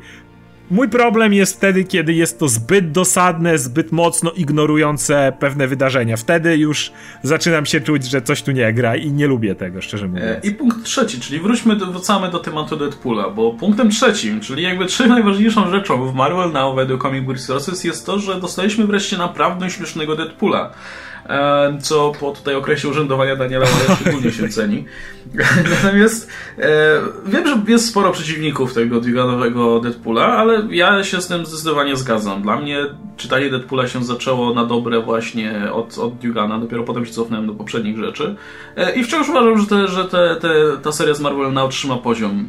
Szczególnie na przykład w porównaniu do tej serii po Secret Wars, która już mi do gustu nie przypadła i też moim zdaniem jest dużo mniej śmieszna. Nie wiem, czy to jest kwestia tego, że wtedy seria była pisana w Marvel Now, e, czyli, w ty, czyli w tych tomach, które teraz wychodzą w Polsce między innymi, była pisana przez duet e, scenarzystów, przez właśnie to raczej pomagało. Dugana i Briana Pozena, który jest zawodowym komikiem jednak i aktorem i no, komikiem przede wszystkim. Więc myślę, że część tego humoru to jednak brała się od niego i dlatego ten Deadpool bywał śmieszniejszy niż wydaje mi się, że jest teraz. Bo teraz czasami się uśmiechnę pod nosem jakby, ale nie, nie ma tam jakichś dowcipów, które mnie naprawdę bawiły. A pamiętam, że te niektóre dialogi w poprzedniej serii Marvel Now mnie, no, podobały mi się dużo bardziej, dużo częściej się powiedzmy potrafiłem zaśmiać przy tym. E, pomijając oczywiście już to, że mieliśmy też te naprawdę dobrze napisane, poważniejsze momenty, to i seria faktycznie była, była zabawna i no, była czymś takim innym i świeżym, powiedzmy. I dostaliśmy taką koherentną, porządną serię o, o Deadpoolu, którą możesz polecać ludziom, nie? To jest tak, jak ktoś się zapyta, hej, czy chciałem czytać Deadpoola, gdzie zacząć? No tutaj, nie? I dostajesz, dostajesz pierwszy tom, gdzie, który nie jest z niczym powiązany, można go sobie czytać spokojnie, jest zabawny i tak dalej i dopiero z tym można iść gdzieś dalej. Także w ogóle Deadpool jak dla mnie Marvel Now jest ogromnym plusem. Mi do Deadpoola z Marvel Now jest wyjątkowo blisko, mam z nim wyjątkowo często styczność, że tak powiem, ale nie mam, jakby ja tu serię uwielbiam i uważam, że właśnie duet Brian e, Pozen i Jerry Dugan pisali no, wiem, że tutaj podpadam fanom e, Kelly'ego, którego też uwielbiam, e, ale, ale jednak według mnie ich duet stworzył lepsze historie, właśnie ze względu na to, że potrafili poprzeplatać ślub, e, ślub Deadpoola, który, czy tam Dracula Gauntlet, który Egmont też u nas zapowiedział, że się pojawi i prze, prze, który jest do, mocno odjechaną historią, zabawną, w paru miejscach wzruszającą, ale na pewno nie jakąś poważną, z, dwa numery wcześniej Dobry, Zły i Brzydki, która była historią no bardzo już poruszającą, taką bardzo dramatyczną. I oni potrafili tak dobrze, może dlatego dzięki pracy we dwójkę, balansować pomiędzy tym humorem, trudnymi sytuacjami Deadpoola, tragizmem jego życia, że uważam, to wyszło absolutnie rewelacyjnie. I jasne, Joe Kelly pisał rewelacyjnie Deadpoola, przed nim Mark Waid i oczywiście Nicieza, może nie tak dobrze, może, może, może, trochę gorzej. No a później oczywiście był, był Way i w tym momencie, kiedy Daniel Way przejął Deadpoola, to faktycznie, jeżeli, jeżeli założymy w ten sposób, że mieliśmy Joe Kelly'ego, znaczy jeszcze po drodze był Niciesa, który pisał tą, ten duo serię z Cablem, która nie była taka zła, ale potem mamy wielką pustkę w postaci Daniela Waya, to faktycznie powrót zabawnego Deadpoola w Marvel Now jest ogromnym sukcesem ja tą serię absolutnie uwielbiam. Tak jak mówię, uważam, że jest najlepiej zrobiona. Jeśli chodzi o współczesnego Deadpoola, no, wydaje mi się, że jest tak jak mówisz, przez to, że Brian Posen już tutaj nie bierze udziału, to ten Deadpool dalej, jeżeli dotykamy jakichś takich poważnych y, momentów Deadpoola, to jest w wielu miejscach zrozumiałe, ale ponieważ brakuje czasami tych naprawdę dobrych dialogów, y, które, które to potrafią jakoś, nie wiem, rozluźnić, kiedy jest taka potrzeba, albo wręcz kiedy są one pisane i wiesz, że to powinno rozluźnić sytuację, ale nie do końca gra, no tu jest trochę gorzej. Natomiast wydaje mi się, że Jerry Dugan bardzo dobrze pisze Deadpoola, sam, na, nawet zabawnego w relacji do innych postaci. Kiedy czytam jego Uncanny Avengers, to Deadpool z Cablem mają dalej rewelacyjną relację. Czy Deadpool z Rogue tam, czy z Kapitanem Ameryką przez jakiś czas. I to się czytało super.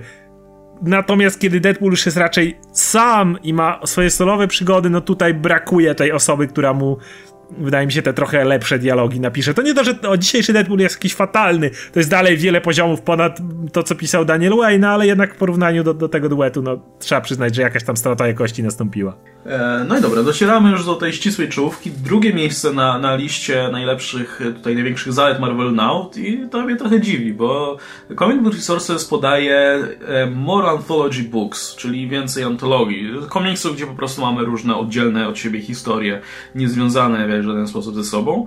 I najlepsze jest to, że nie wysmażyli trzy akapity, a podali tylko jeden możliwy przykład, czyli A plus X. Ona pokazuje takie dosyć e, nieoczywiste duety między Avengers a X-Men. W roli takiego pokłosia, powiedzmy, po, po Avengers vs. X-Men. Które były raz lepsze, raz gorsze, szczerze mówiąc. No, było parę dobrych, było parę gorszych. Pamiętam ten z Kapitanem Ameryką i Quentinem był fajny na przykład. E, z Beastem i Wondermanem ten... był rewelacyjny według mnie. No, było kilka naprawdę dobrych, ale były jeszcze jakieś antologie w ogóle, poza jakimiś takimi e, krótkimi miniseriami? Szczerze mówiąc, właśnie nie przypominam sobie. Było, była cała ja masa oczywiście anuali, ale no nie liczymy anuali jako antologię. Natomiast poza tym nie bardzo. A jeżeli jakieś były, to skoro fakt, fakt, że o nich nie pamiętamy, jeżeli jakieś były, to znaczy, że nas niekoniecznie już nie obeszły, więc szczerze mówiąc, to dziwny przy... Ja nie rozumiem tego punktu by, by były miniserie, był jakiś Dracula, przepraszam, Deadpool, Art of War, czy tego typu, ale to znowu nie jest to, no, więc nie, nie bardzo wiem, co oni tutaj mają na myśli w tym miejscu. No oni, oni mają, tylko tą jedną serię na myśli, że e, Marvel now at least attempted to come back of the form. Oni piszą, że wcześniej oczywiście wszyscy by swoje bohaterowie zaczynali w antologiach. Więc no, złoty medal za starania. No, to, to też nie było jakieś rewelacyjne. Ja nie, nie powiedziałbym, że a, Marvel now to miało A plus X, no to teraz wszystko jasne. To była seria, która miała parę fajnych i parę gównianych zeszytów. No, tyle. No to pomijmy w takim razie ten punkt i przejdźmy sobie do pierwszego miejsca, czyli rzeczy, która według Comic Book Resources jest największym tutaj mocnym punktem Marvel Now. E, czyli to jest zatytułowa- ten punkt jest zatytułowany Comics for Everybody. I z tym się mogę zdecydowanie zgodzić, że, że Marvel Now było bardzo inkluzywne właśnie. Ja jako nowy czytelnik nie miałem problemu, żeby się wciągnąć w komiksy, żeby znaleźć tą jedną serię dla siebie, potem dorzucić do niej jeszcze jedną, potem może jeszcze jedną i coraz lepiej się orientować w tym świecie tak na bieżąco. I, no po prostu większość tych punktów się składa w zasadzie na ten jeden punkt. To, że mieliśmy różnorodność gatunkową, że mieliśmy mm, serię powiedzmy, te, te płynną kontynu, płynne continuity, które tam jakoś nie, nie zgrzytało. E, to wszystko się właśnie składa na to, że to, to była bardzo taka przystępna, powiedzmy, Czy, linia. Wydaje mi się, że jedna rzecz była tutaj absolutnie najważniejsza. Tak, świetne było to, że mieliśmy całą masę różnych historii. Jak ktoś mnie zapyta na przykład, chciałem poczytać coś super bohaterskiego, to to, a chciałem poczytać coś, gdzie siedzi Marvela, ale może trochę bardziej, nie wiem, żeby było strasznie, czy żeby było trochę poważniej, żeby było mrocznie, czy żeby było już bardzo komediowo. Wszystko to, to było, ale absolutnie największą zaletą tego wszystkiego było to, że praktycznie każda z tych serii to był punkt startu. Marvel Now pierwszy raz w historii komiksów Marvela, czyli od 61 roku, jeżeli nie liczymy Timely i tak dalej, pierwszy raz stworzono wyraźny punkt dla wszystkich serii właściwie, no jasne, parę tam musiało się pokończyć, ale no dobra, 90 parę procent serii w tym miejscu był moment, w którym mogłeś powiedzieć komukolwiek, kto lubi, ej, lubisz Ironmana? No może to nie była super seria, ale lubisz Ironmana? Proszę bardzo, zaczynasz czytać Marvel Now, wszystko rozumiesz.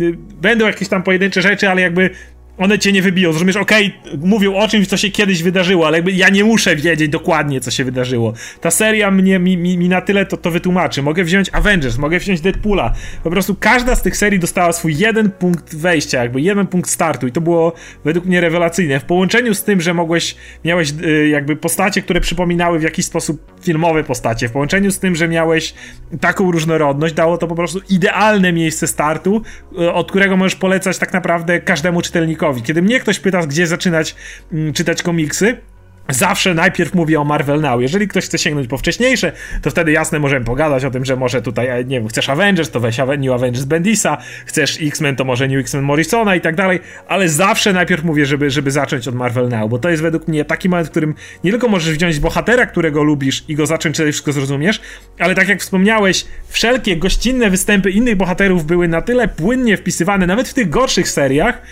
że mogłeś potem przeskoczyć do tego innego bohatera, który przypadł ci do gustu w tej serii i spokojnie zacząć teraz jego historię czytać od początku, bo nie miałeś z tym problemów. Także jakby to był uważam absolutnie największy sukces Marvel Now i najlepsze, co, co, co stało się y, w komiksach Marvela od lat. No właśnie te występy gościnne, o tym, o tym nie wspomniałem wcześniej tak bezpośrednio, ale to też była rzecz, która była zrobiona całkiem dobrze. Większość tych występów, znaczy ja jak pamiętam, jak zaczynałem w ogóle czytać na bieżąco komiksy, e, to czytałem głównie X-Men na przykład, przykład. I w X-Men się pojawili, pojawili e, parę razy Avengers, Uncanny Avengers, Guardians of the Galaxy.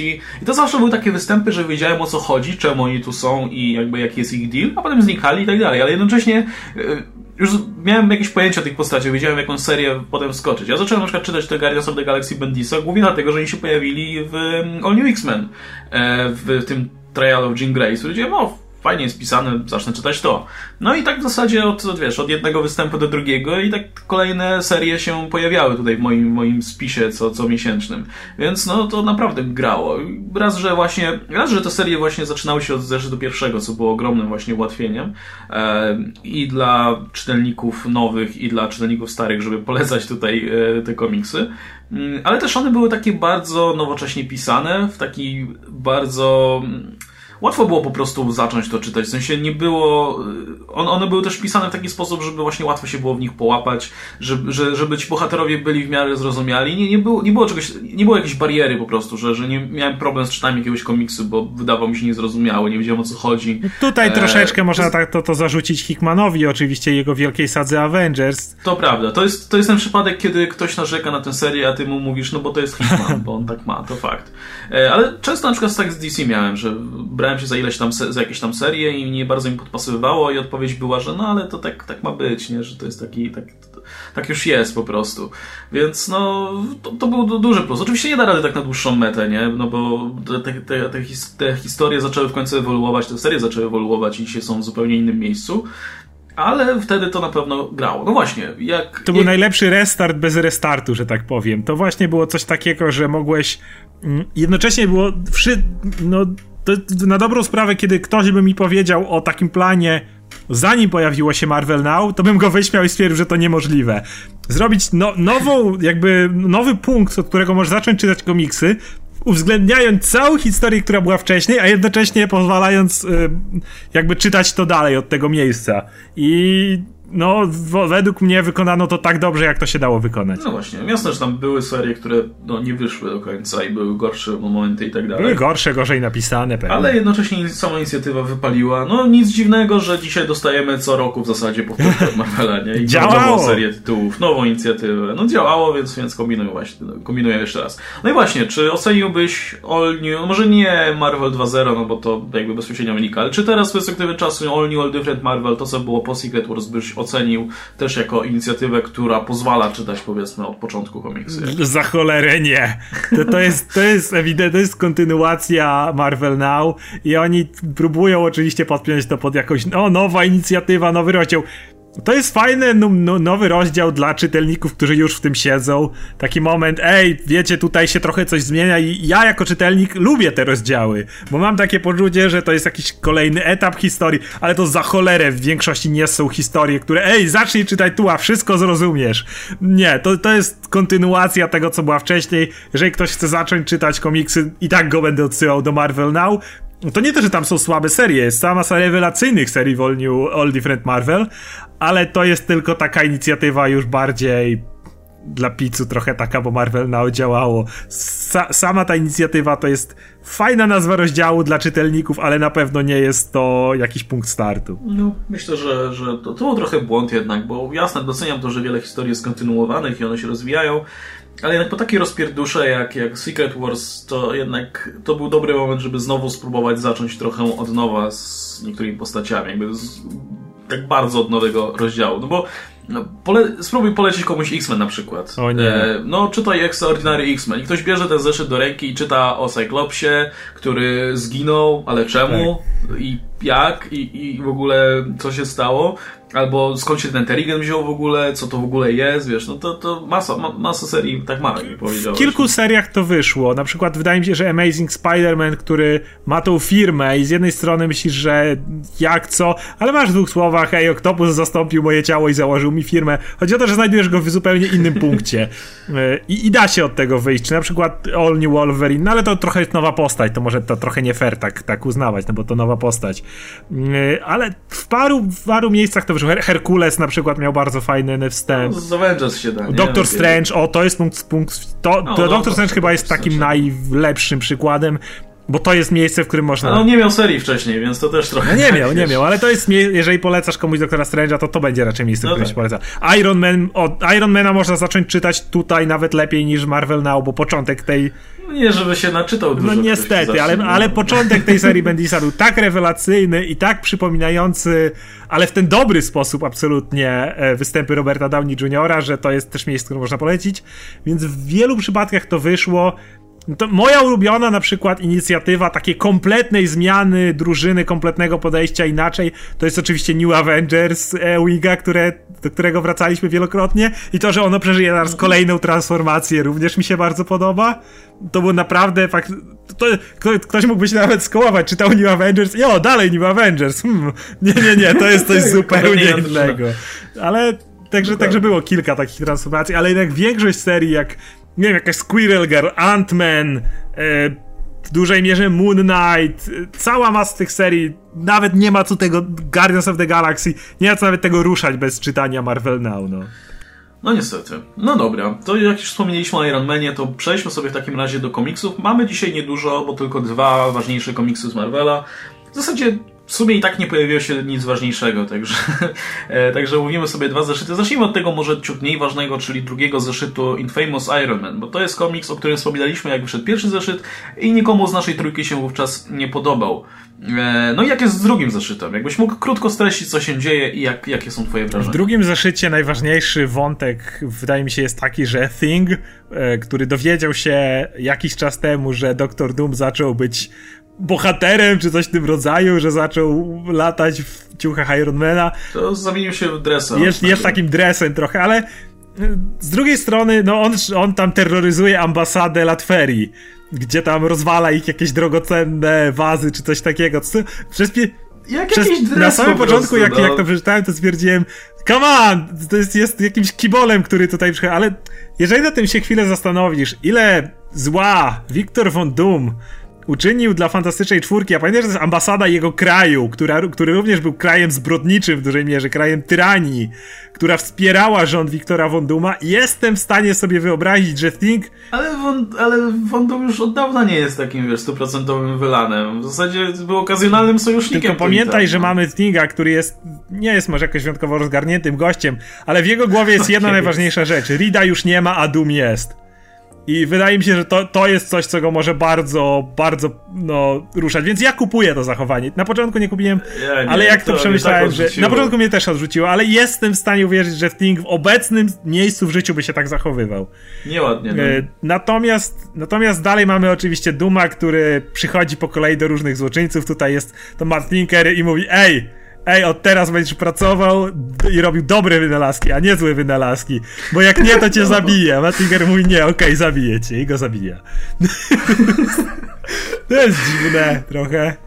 E, aczkolwiek ma to swoje. No, mówię, o tyle co wiele rzeczy jest tutaj bez sensu, to jednak Bendis, co, mu nie, co by nie mówić, nawet jeżeli historia czasem się nie klei, dalej pisze fajne dialogi, fajne sytuacje. I moment, kiedy Doom kończy robotę w, z ekipą Martin Carrera, po czym jakieś dzieciaki do niego podchodzą, on się teleportuje i znika, po czym z tej piwnicy wychodzi jakiś uszkodzony robot śmierci na te dzieciaki. Na chwilę Doom się znowu pojawia, niszczy tego robota i mówi: e, Sorry, to, to, to, to, to pamiętanie o tym, że jeszcze ludzi trzeba uratować, to dla mnie w ogóle nowość. To mi się na przykład podobało bardzo. Więc ten komiks jest, wydaje mi się, lepszy niż pierwszy, aczkolwiek. Myślę, że to się będzie lepiej czytać. A dokładnie mam jednak. takie zdanie, że jest troszeczkę wolny. Bo te zeszyty są bardzo mało satysfakcjonujące, mało, mało, mało esencji. Tak, one, one są. Dialogi są dobrze napisane, to trzeba Bendisowi przyznać. Dialogi są naprawdę dobrze napisane, ale w tych komiksach tak ma, on, tempo akcji jest tak powolne, tak rozwój wydarzeń jest, jest właśnie powolny, że czytając to z tygodnia na tydzień, z zeszytu na zeszyt, mamy, znaczy bardziej to, że nie wychodzi co tydzień, tylko co parę tygodni, więc jak dostajemy ten ułamek historii, to mamy wrażenie, że to się wlecze. Natomiast mam wrażenie, że jeżeli ktoś sięgnie po to w tomie i to pewnie już powiemy, jak historia się zakończy, jakie mamy ostateczny wydźwięk, jeżeli uznamy, że była ok, to myślę, że ktoś, kto sięgnie po to i przeczyta od razu sześć zeszytów pod rząd, będzie miał dużo lepsze. To może stwierdzić, że to nie jest ok historia, tylko że jest bardzo dobra historia na przykład. Więc... Yy, no, ona na, na, pewno nie jest zła, ale, ale, ale póki co no, no nie, nie, porywa tak jak liczyliśmy. No, ja się zgadzam zdecydowanie. Znaczy, pomysł Duma, który chce być superbohaterem, to, to dalej jest bardzo ciekawy koncept i ten zeszyt trochę więcej tego daje, nie?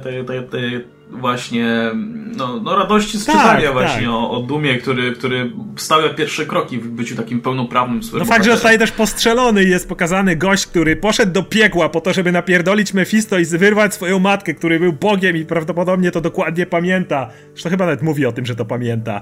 Zabił tak, wszystkich tak. Beyonderów wielką bombą i rządził światem, a dziewczyna, która nosi to, pistolet w torebce przestrzeliła mu ramię, bo nie był przygotowany no, na to. w ogóle. Taki czoły postrzeliłeś. Tak, tak przecież nigdy nie zrobiłem nic złego w twoim kierunku. No dla, dlaczego mnie postrzeliłaś? To, taki, to było naprawdę fajnie zrobione. Oczywiście jest to pewien y, zabieg fabularny, żeby teraz y, nie załatwił Thing Up stryknięciem palców, bo jest ranny. No tak. Y, ale, ale podobało mi się to. No, to. Mówię, ten komiks ma fajne dialogi, no fajne akcje, ale jakby jeszcze całości nie kupuje tak nie, to nie jest też, że się tym zachwycam, no, no niestety. Nie, nie wiem, mnie tylko ten thing wkurwiał, bo tak jak, tak jak lubiłem tę postać, jak się okazjonalnie po, pojawiała tu i tam, tak tutaj mnie tak wkurza, no po prostu no, mentalność no, dresa, no, no. Siedzi w tej poczekalni w Latverii i nagle rozpierdala wszystko, sorry, znudziło mi się czekanie, to jest wasza waza, jest drogocenna, je, no. kurna, nie będę czekał. Ja no, trochę delikatnie no. to kupuję, bo jestem w stanie zrozumieć. Myślę, że mo można było to trochę, nie wiem, na pewno, na pewno No to wygląda jakby Bendis nienawidził Tinga po prostu tak. i chciał pokazać w jak najgorszym świetle. Możliwe, ale No zobaczymy, ale nie skreślę na pewno tej serii jeszcze, bo Zresztą zbroja duma wygląda tak fajnie, że... Ten, ten kadr, w którym on właśnie powraca, żeby uratować te dzieciaki, wygląda tak rewelacyjnie, jak on z tego portalu się wyłania w swojej zbroi. Uważam, że to wygląda po prostu przepięknie. Ten Iron Doom, który nagle pojawia się ruchem ręki, załatwia tego robota i potem właśnie ten śmieszny dowcip, że upewnianie się, żeby, żeby, nie, żeby żadna krzywda nie stała się no. innym jest dla mnie relatywnie nowe. Nie, ale właśnie na tym nie wspomnieliśmy, ale ta seria jest w ogóle też właśnie ładnie tak, zilustrowana tak. przez Aleksa Malejewa. Pasuje na pewno Doom Vincent Cassel dalej, dalej działa. No, no, no, dalej działało, takie fajne stojące uszy w ogóle, ale myślę, że to się przyjęło tak, i, i będzie fajnie wyglądał. Na, na szczęście Iron Man wygląda już inaczej, już nie wygląda jak, jak ten Santiago Cabrera się nazywa chyba ten aktor, nie? Z muszkieterów, więc, więc dobre i to. E, no i dobra, to w takim razie, jeśli już mówimy o ładnych ilustracjach, to wcześniej Ironmana drugi tom ilustrował e, Mike Deodato Jr., który teraz ilustruje nam serię, która myślę dużo lepiej pasuje do twojego Właśnie, stylu. Tak. Czyli Thanosa, zeszyt pierwszy e, w wykonaniu, znaczy właśnie w wykonaniu duetu Jeff Lemire, Mike Deodato Jr.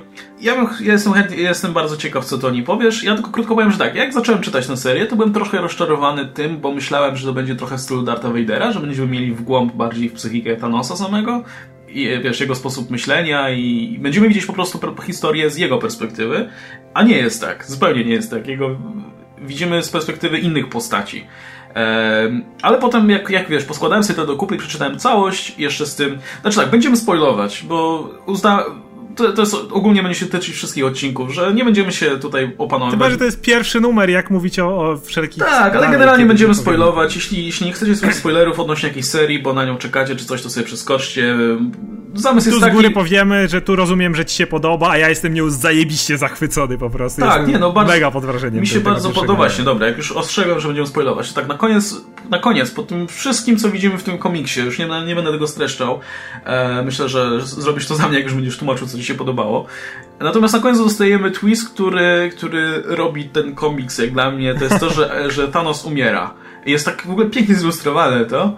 E, i to stawia w perspektywie w zasadzie cały komiks do tej pory. Także no, no, zrobiło to na mnie ogromne wrażenie i no, tym bardziej teraz będę czytał to dalej. Tym bardziej, że właśnie mamy tutaj grono postaci drugoplanowych, które też będą grać swoją rolę. No, no super jest. O no których się zapomniało, a, no właśnie. A, a, były ciekawe. Nie, ja jestem po prostu mega podrzenie tego komiksu. Ja podobnie jak ty, jak zacząłem go czytać, to nie bardzo wiedziałem, co ja właściwie czytam do czego to zmierza, co, co w tym chodzi, no coś się dzieje, ktoś tam rozmawia, tak, coś... No, Corvus się... Glaive przejął Tytan, tak? E... Corvus Glaive prze, przejął tą, e, te, tak, Tytan, przejął tą, tą ekipę, gdzieś tam e, brat Thanosa, Eros ma orgię jak zwykle, Eros, no bo Eros zwykle robi orgię, no bo co ma innego robić Eros. Ale, ale kiedy ta historia się rozwija i kiedy szczególnie dochodzisz do momentu, w którym pojawia się Thane i odwiedza go śmierć, uosobienie śmierci, która przy okazji jest już rysowana, przyjęto ten jej wizerunek z Thanos Rising. Mhm. Wygląda identycznie, bo wcześniej rysowałem trochę inaczej, teraz wygląda dokładnie tak jak w Thanos Rising. I ona rozmawia z Thane'em i mówi, że Thanos teraz umiera, który, który jest przez wielu osób postrzegany jak Bóg. Thanos, który I... właśnie chwilę wcześniej właśnie odbił Tytana z rąk Glaive'a. Z rąk Przejął tron, usiadł na tym tronie, no i mamy ten moment właśnie.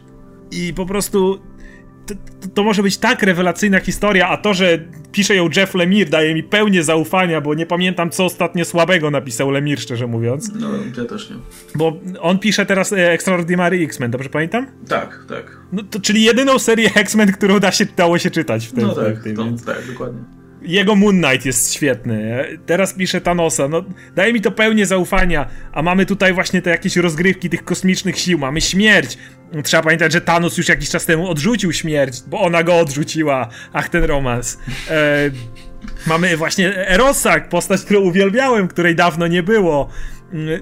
Niestety tego łowcy nagród, który się pojawił, nie znam. Nie wiem, wygląda czy jeżeli był. Wygląda jak e, gejowski brat Lobo z czerwonymi Lobo, włosami. Tak. Je, jeżeli był wcześniej, to, to, to go nie, nie, nie kojarzę, niestety. Ja nie. Mamy powrót Taina, znowu postać, który wydało mi się, że gdzieś tam wepchnęli na, na potrzeby Infinity, a potem gdzieś tam w Black Vortex przewinęła się i tyle.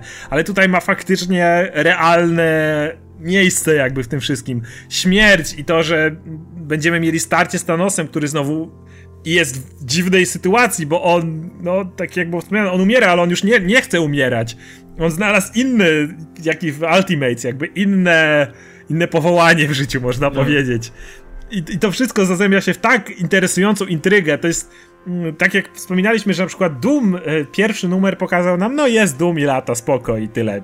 Wiemy, że ta seria będzie. Tak tutaj jest to tylko pierwszy numer i dopiero jakby to powiedzieć rozstawienie piątków na całej planszy, ale ono zostało przedstawione w tak intrygujący sposób i tutaj właśnie Deodato, który za cholerę nie pasował do Ironmana, to podawało, że czytałeś te historie radosne o Ironmanie, które wyglądają jakby chciał się pochlastać. No tutaj idealnie. I ciemne. Tak, ale tutaj to o to chodzi, masz, ty, no tak, masz śmierć, masz Thanosa, masz tu, tu, te rysunki wyglądają absolutnie przepięknie. Także to wszystko zębia się według mnie w tak intrygujący początek, właśnie intrygujący, to jest najlepsze określenie, jak ta saga się potoczy, że byłem absolutnie jak, jak wraz z czytaniem po prostu moje interes, zainteresowanie rosło z, każ, z, każdym, z każdą następną stroną, a kiedy doszliśmy do samego końca i ostatnich słów, Thanos umiera i ten widok po prostu Thanosa, któremu wylewa się jego fioletowa krew z nosa, zalewa mu ręce po prostu i to jego przerażenie, jak on sam widzi w jakim jest stanie, no, mnie to masakrycznie wciągnęło. Jestem, to jest według mnie najlepsza premiera, jeśli chodzi o jedynki. Od, od chyba w ogóle z tych wszystkich na razie Marvel na 2.0. Najlepsze jest to, że wiesz, że to jest Jeff Lemire, więc nie będzie lipy. No, nie, nie, wiesz, nie, tak, nie jest tak. Bendis, że nagle mu się znudzi. Że się, że się pogorszy, tak. No. a, a, tak, z Marvel na 2.0 według mnie na razie ze wszystkich jedynek to była na pewno najlepsza premiera. No, także polecamy na razie i w, jest jeszcze, właśnie, jest jeszcze jedna, jeden, jeden zeszyt, o którym chciałbym krótko wspomnieć. Nie wiem, czy czytałeś. Czy czytałeś Uncanny X-Men e, Annual? Nie, nie czytałem. Bo jest Dawno ciekawy, jest ciekawy pod tym... O, to to komiks jest taki sobie ogólnie, jak to, jak to X-Men Colina Bana, ale jest ciekawa rzecz się tam dzieje, bo e, pojawia się tam eliksir. A jak pamiętasz, eliksir zginął, nie? W, No w tej serii. jak wszystkich Okazało się, że nie, bo, bo to jest eliksir, więc wykopał się spod ziemi. E, I on i się trochę wkurzył na to, że ktoś go zabił, więc on, on popłynął tam, gdzie e, są, były zwłoki zakopane tego jego mordercy. E, ożywił go. nazywał ten Gauntlet chyba go zabił. Jakoś Ten tak, Gauntlet chyba się nazywał. Więc on go ożywił, a potem go zabił, bo eliksir potrafi ożywiać i, i, i zabijać. Nie? Okej, ma, ma tą taki dualizm, nie? Ten swojej, swoich umiejętności. No i tak robi w kółko, aż go znalazł, znalazł, znalazł Magneto i cała reszta. I oni tak mówią, "Kurna, co ty robisz, człowiek? On mówi, no, no, że wiesz, że, że ogólnie ma ból dupy trochę. No i on stwierdził, że w takim razie sobie ożywi wszystkich ludzi na Genoszy, bo są na Genoszy. E, Ale mu nie wyszło, bo, bo, bo był zbyt słaby na to. No ale Magneto skumał, że w związku z tym, że Elixir ma takie umiejętności, no to można by go wykorzystać, żeby wyleczyć ludzi z tej sterigenu, nie? Znaczy z tej choroby. Mpox. e, Z Mpoxu, nie? I w ogóle może jakoś opracować coś no, przeciwko tej genowi. No i e, zabierają go do takiej placówki, gdzie są chorzy mutanci. No i on ich wszystkich e, leczy w ogóle z tego, nie? Tylko, że jednocześnie nie potrafi jakby opanować swoich mocy, jednocześnie ta druga jego natura wpływa na tych ludzi, że prawie ich zabija, nie? No i Magneto go ostatecznie odstawia do Zorna, nie? Żeby on go tam nauczył e, pano panowania nad swoimi mocami. Zord teraz siedzi i wszystkich, wszystkich uczy. No on jest tym mnichem, który tam, y, do którego przyprowadzają Ale ludzi i jej nauczy. Podobało mi się, jeśli chodzi o X-Men i Zorna, jak do niego wpadli ci Dark Riders, a on, ponieważ jest pacyfistą, nie, nie, nie ruszył ani palcem przeciwko nim, ale oni go za cholerę nie mogli zabić. To było takie, rozwalili go, okej, coś jeszcze, coś jeszcze chcecie ode mnie? To było dosyć fajne. No i w każdym razie Zord teraz będzie zajmował eliksirem i wydaje mi się, że może to być... mogą w ten sposób wybrnąć z tego, jak wyleczyć, wiesz, mutantów z Terigenu, albo jak w ogóle się pozbyć problemu Terigenu, właśnie przez, przez tego eliksira. Co było dziwne, że to się bierze właśnie z tej konkretnej serii, z tych Uncanny X-Men, a nie z Extraordinary na przykład. Ale, Ale mogą to czemu nie? połączyć, wiesz? Mogą. Jeżeli wezmą, Elixir sam ma jakąś moc, która powiedzmy jest w stanie leczyć ludzi bezpośrednio obok niego. Połącz to, nie wiem, z triadżem, połącz to z czymkolwiek, co zrobi Cable i jego super telepatią i przyszłością. Mogą jakby zlepić to w jedną wielką machinę, która wyleczy cały świat. No to nie pierwszy raz widzieliśmy coś takiego w komiksach. Więc jeżeli okaże się, że każda seria poza All New X-Men, bo kto, kogo oni obchodzą, ale każda seria, w sumie oni chyba się nawet- w ogóle nie zajmowali Empoxem, bo to w ogóle nie jest jakikolwiek tam, na tyle ile czytałem tą serię, póki mogłem, to tam chyba ani razu nie poruszono tego problemu, tam nawet nikt nie był z nich chory, czy coś Beast takiego. jest teraz e, magiem, więc Dobra. zupełnie w innym kierunku Okej. poszli. Natomiast e, tak, Uncanny X-Men się tym mocno zajmowało, chociaż momencie trochę miałem problem z czytaniem. Extraordinary X-Men, no to jest bardzo ważny element tego No wszystkiego, tak. jakby nie patrzeć. E, I co tam e, miałeś jeszcze? A, Sunspota ekipę. No Sunspot jest chory, więc tam u, u niego też na pewno coś się z tym dzieje. I Uncanny Avengers, bo Cable i Shaw i To- Toad, come on. Ale Cable i Shaw też szukają z tym jakichś e, motywów. Nie zdziwiłbym się, gdyby, jeżeli okaże się, że tam gdzieś był za tym stał plan, żeby te 4 czy 5 serii będzie gdzieś się zbiegły jakby w jedno miejsce Resurrection czy coś takiego i tam to zostanie rozwiązane przez wysiłki tych wszystkich bohaterów, to zdecydowanie to docenię, pomimo tego, że nie wszystkie te serie przypadły mi do gustu. No, ale to tak właśnie nadmieniam, że jeśli ktoś jest tutaj zainteresowany tą całą wielką linią fabularną związaną tutaj z konfliktem Inhumans i X-Men i, i Terigenu i tak dalej, e, no to, to może być istotny akurat zeszyt w tym przypadku. No nie był najgorszy, nie był też niczym rewelacyjnym, ale przynajmniej coś się działo go istotnego. Nie ma akurat Vaniualu ze wszystkich, wiesz, zeszytów. To przeczytam go w takim razie. No więc, no dobra, w takim razie to chyba tyle. Nic, nic żadne, żadne news w ostatniej chwili się nie pojawiły. Także tak, zapraszam w takim razie, korzystając z tego, że jeszcze chwilę czasu mamy, zapraszam w takim razie do siebie na kanał, bo teraz ogólnie mam taką politykę, że zamiast pisać na blogu, to będę nagrywał filmy i zobaczymy jak mi to wyjdzie. E, właśnie ostatnio o tych rzeczach związanych z X-Men Humans i tak dalej e, wrzucałem filmy na kanał. U Ciebie była cisza coś ostatnio, co się dzieje? No, no, niestety ostatnio nie miałem czasu, aczkolwiek planuję nagrać filmik, który odnosi się do tego wszystkiego, bo zostałem o to poproszony, czyli ogólne opisanie sytuacji Inhumans teraz, bo wiem, że wiele osób to interesuje, a Ale u nich się sporo pozmieniało. W komiksach, oczywiście W komiksach. No, w MCU co, co wiemy, no wiemy to, co powiedzieliśmy. Natomiast mają dosyć ciekawą politykę roz... występują w bardzo wyjątkowym miejscu teraz w swojej historii w świecie Marvela, więc postaram się to jakoś zebrać do kupy i streścić. No dobra, to w takim razie żegnamy się. Mam nadzieję, że za tydzień już, już w powiększonym, e, tradycyjnym gronie. Tymczasem dzięki wielkie za uwagę. Ze mną był Oskar Rogowski, komiksomaniak. Cześć wam. I widzimy się za tydzień. Trzymajcie się, cześć.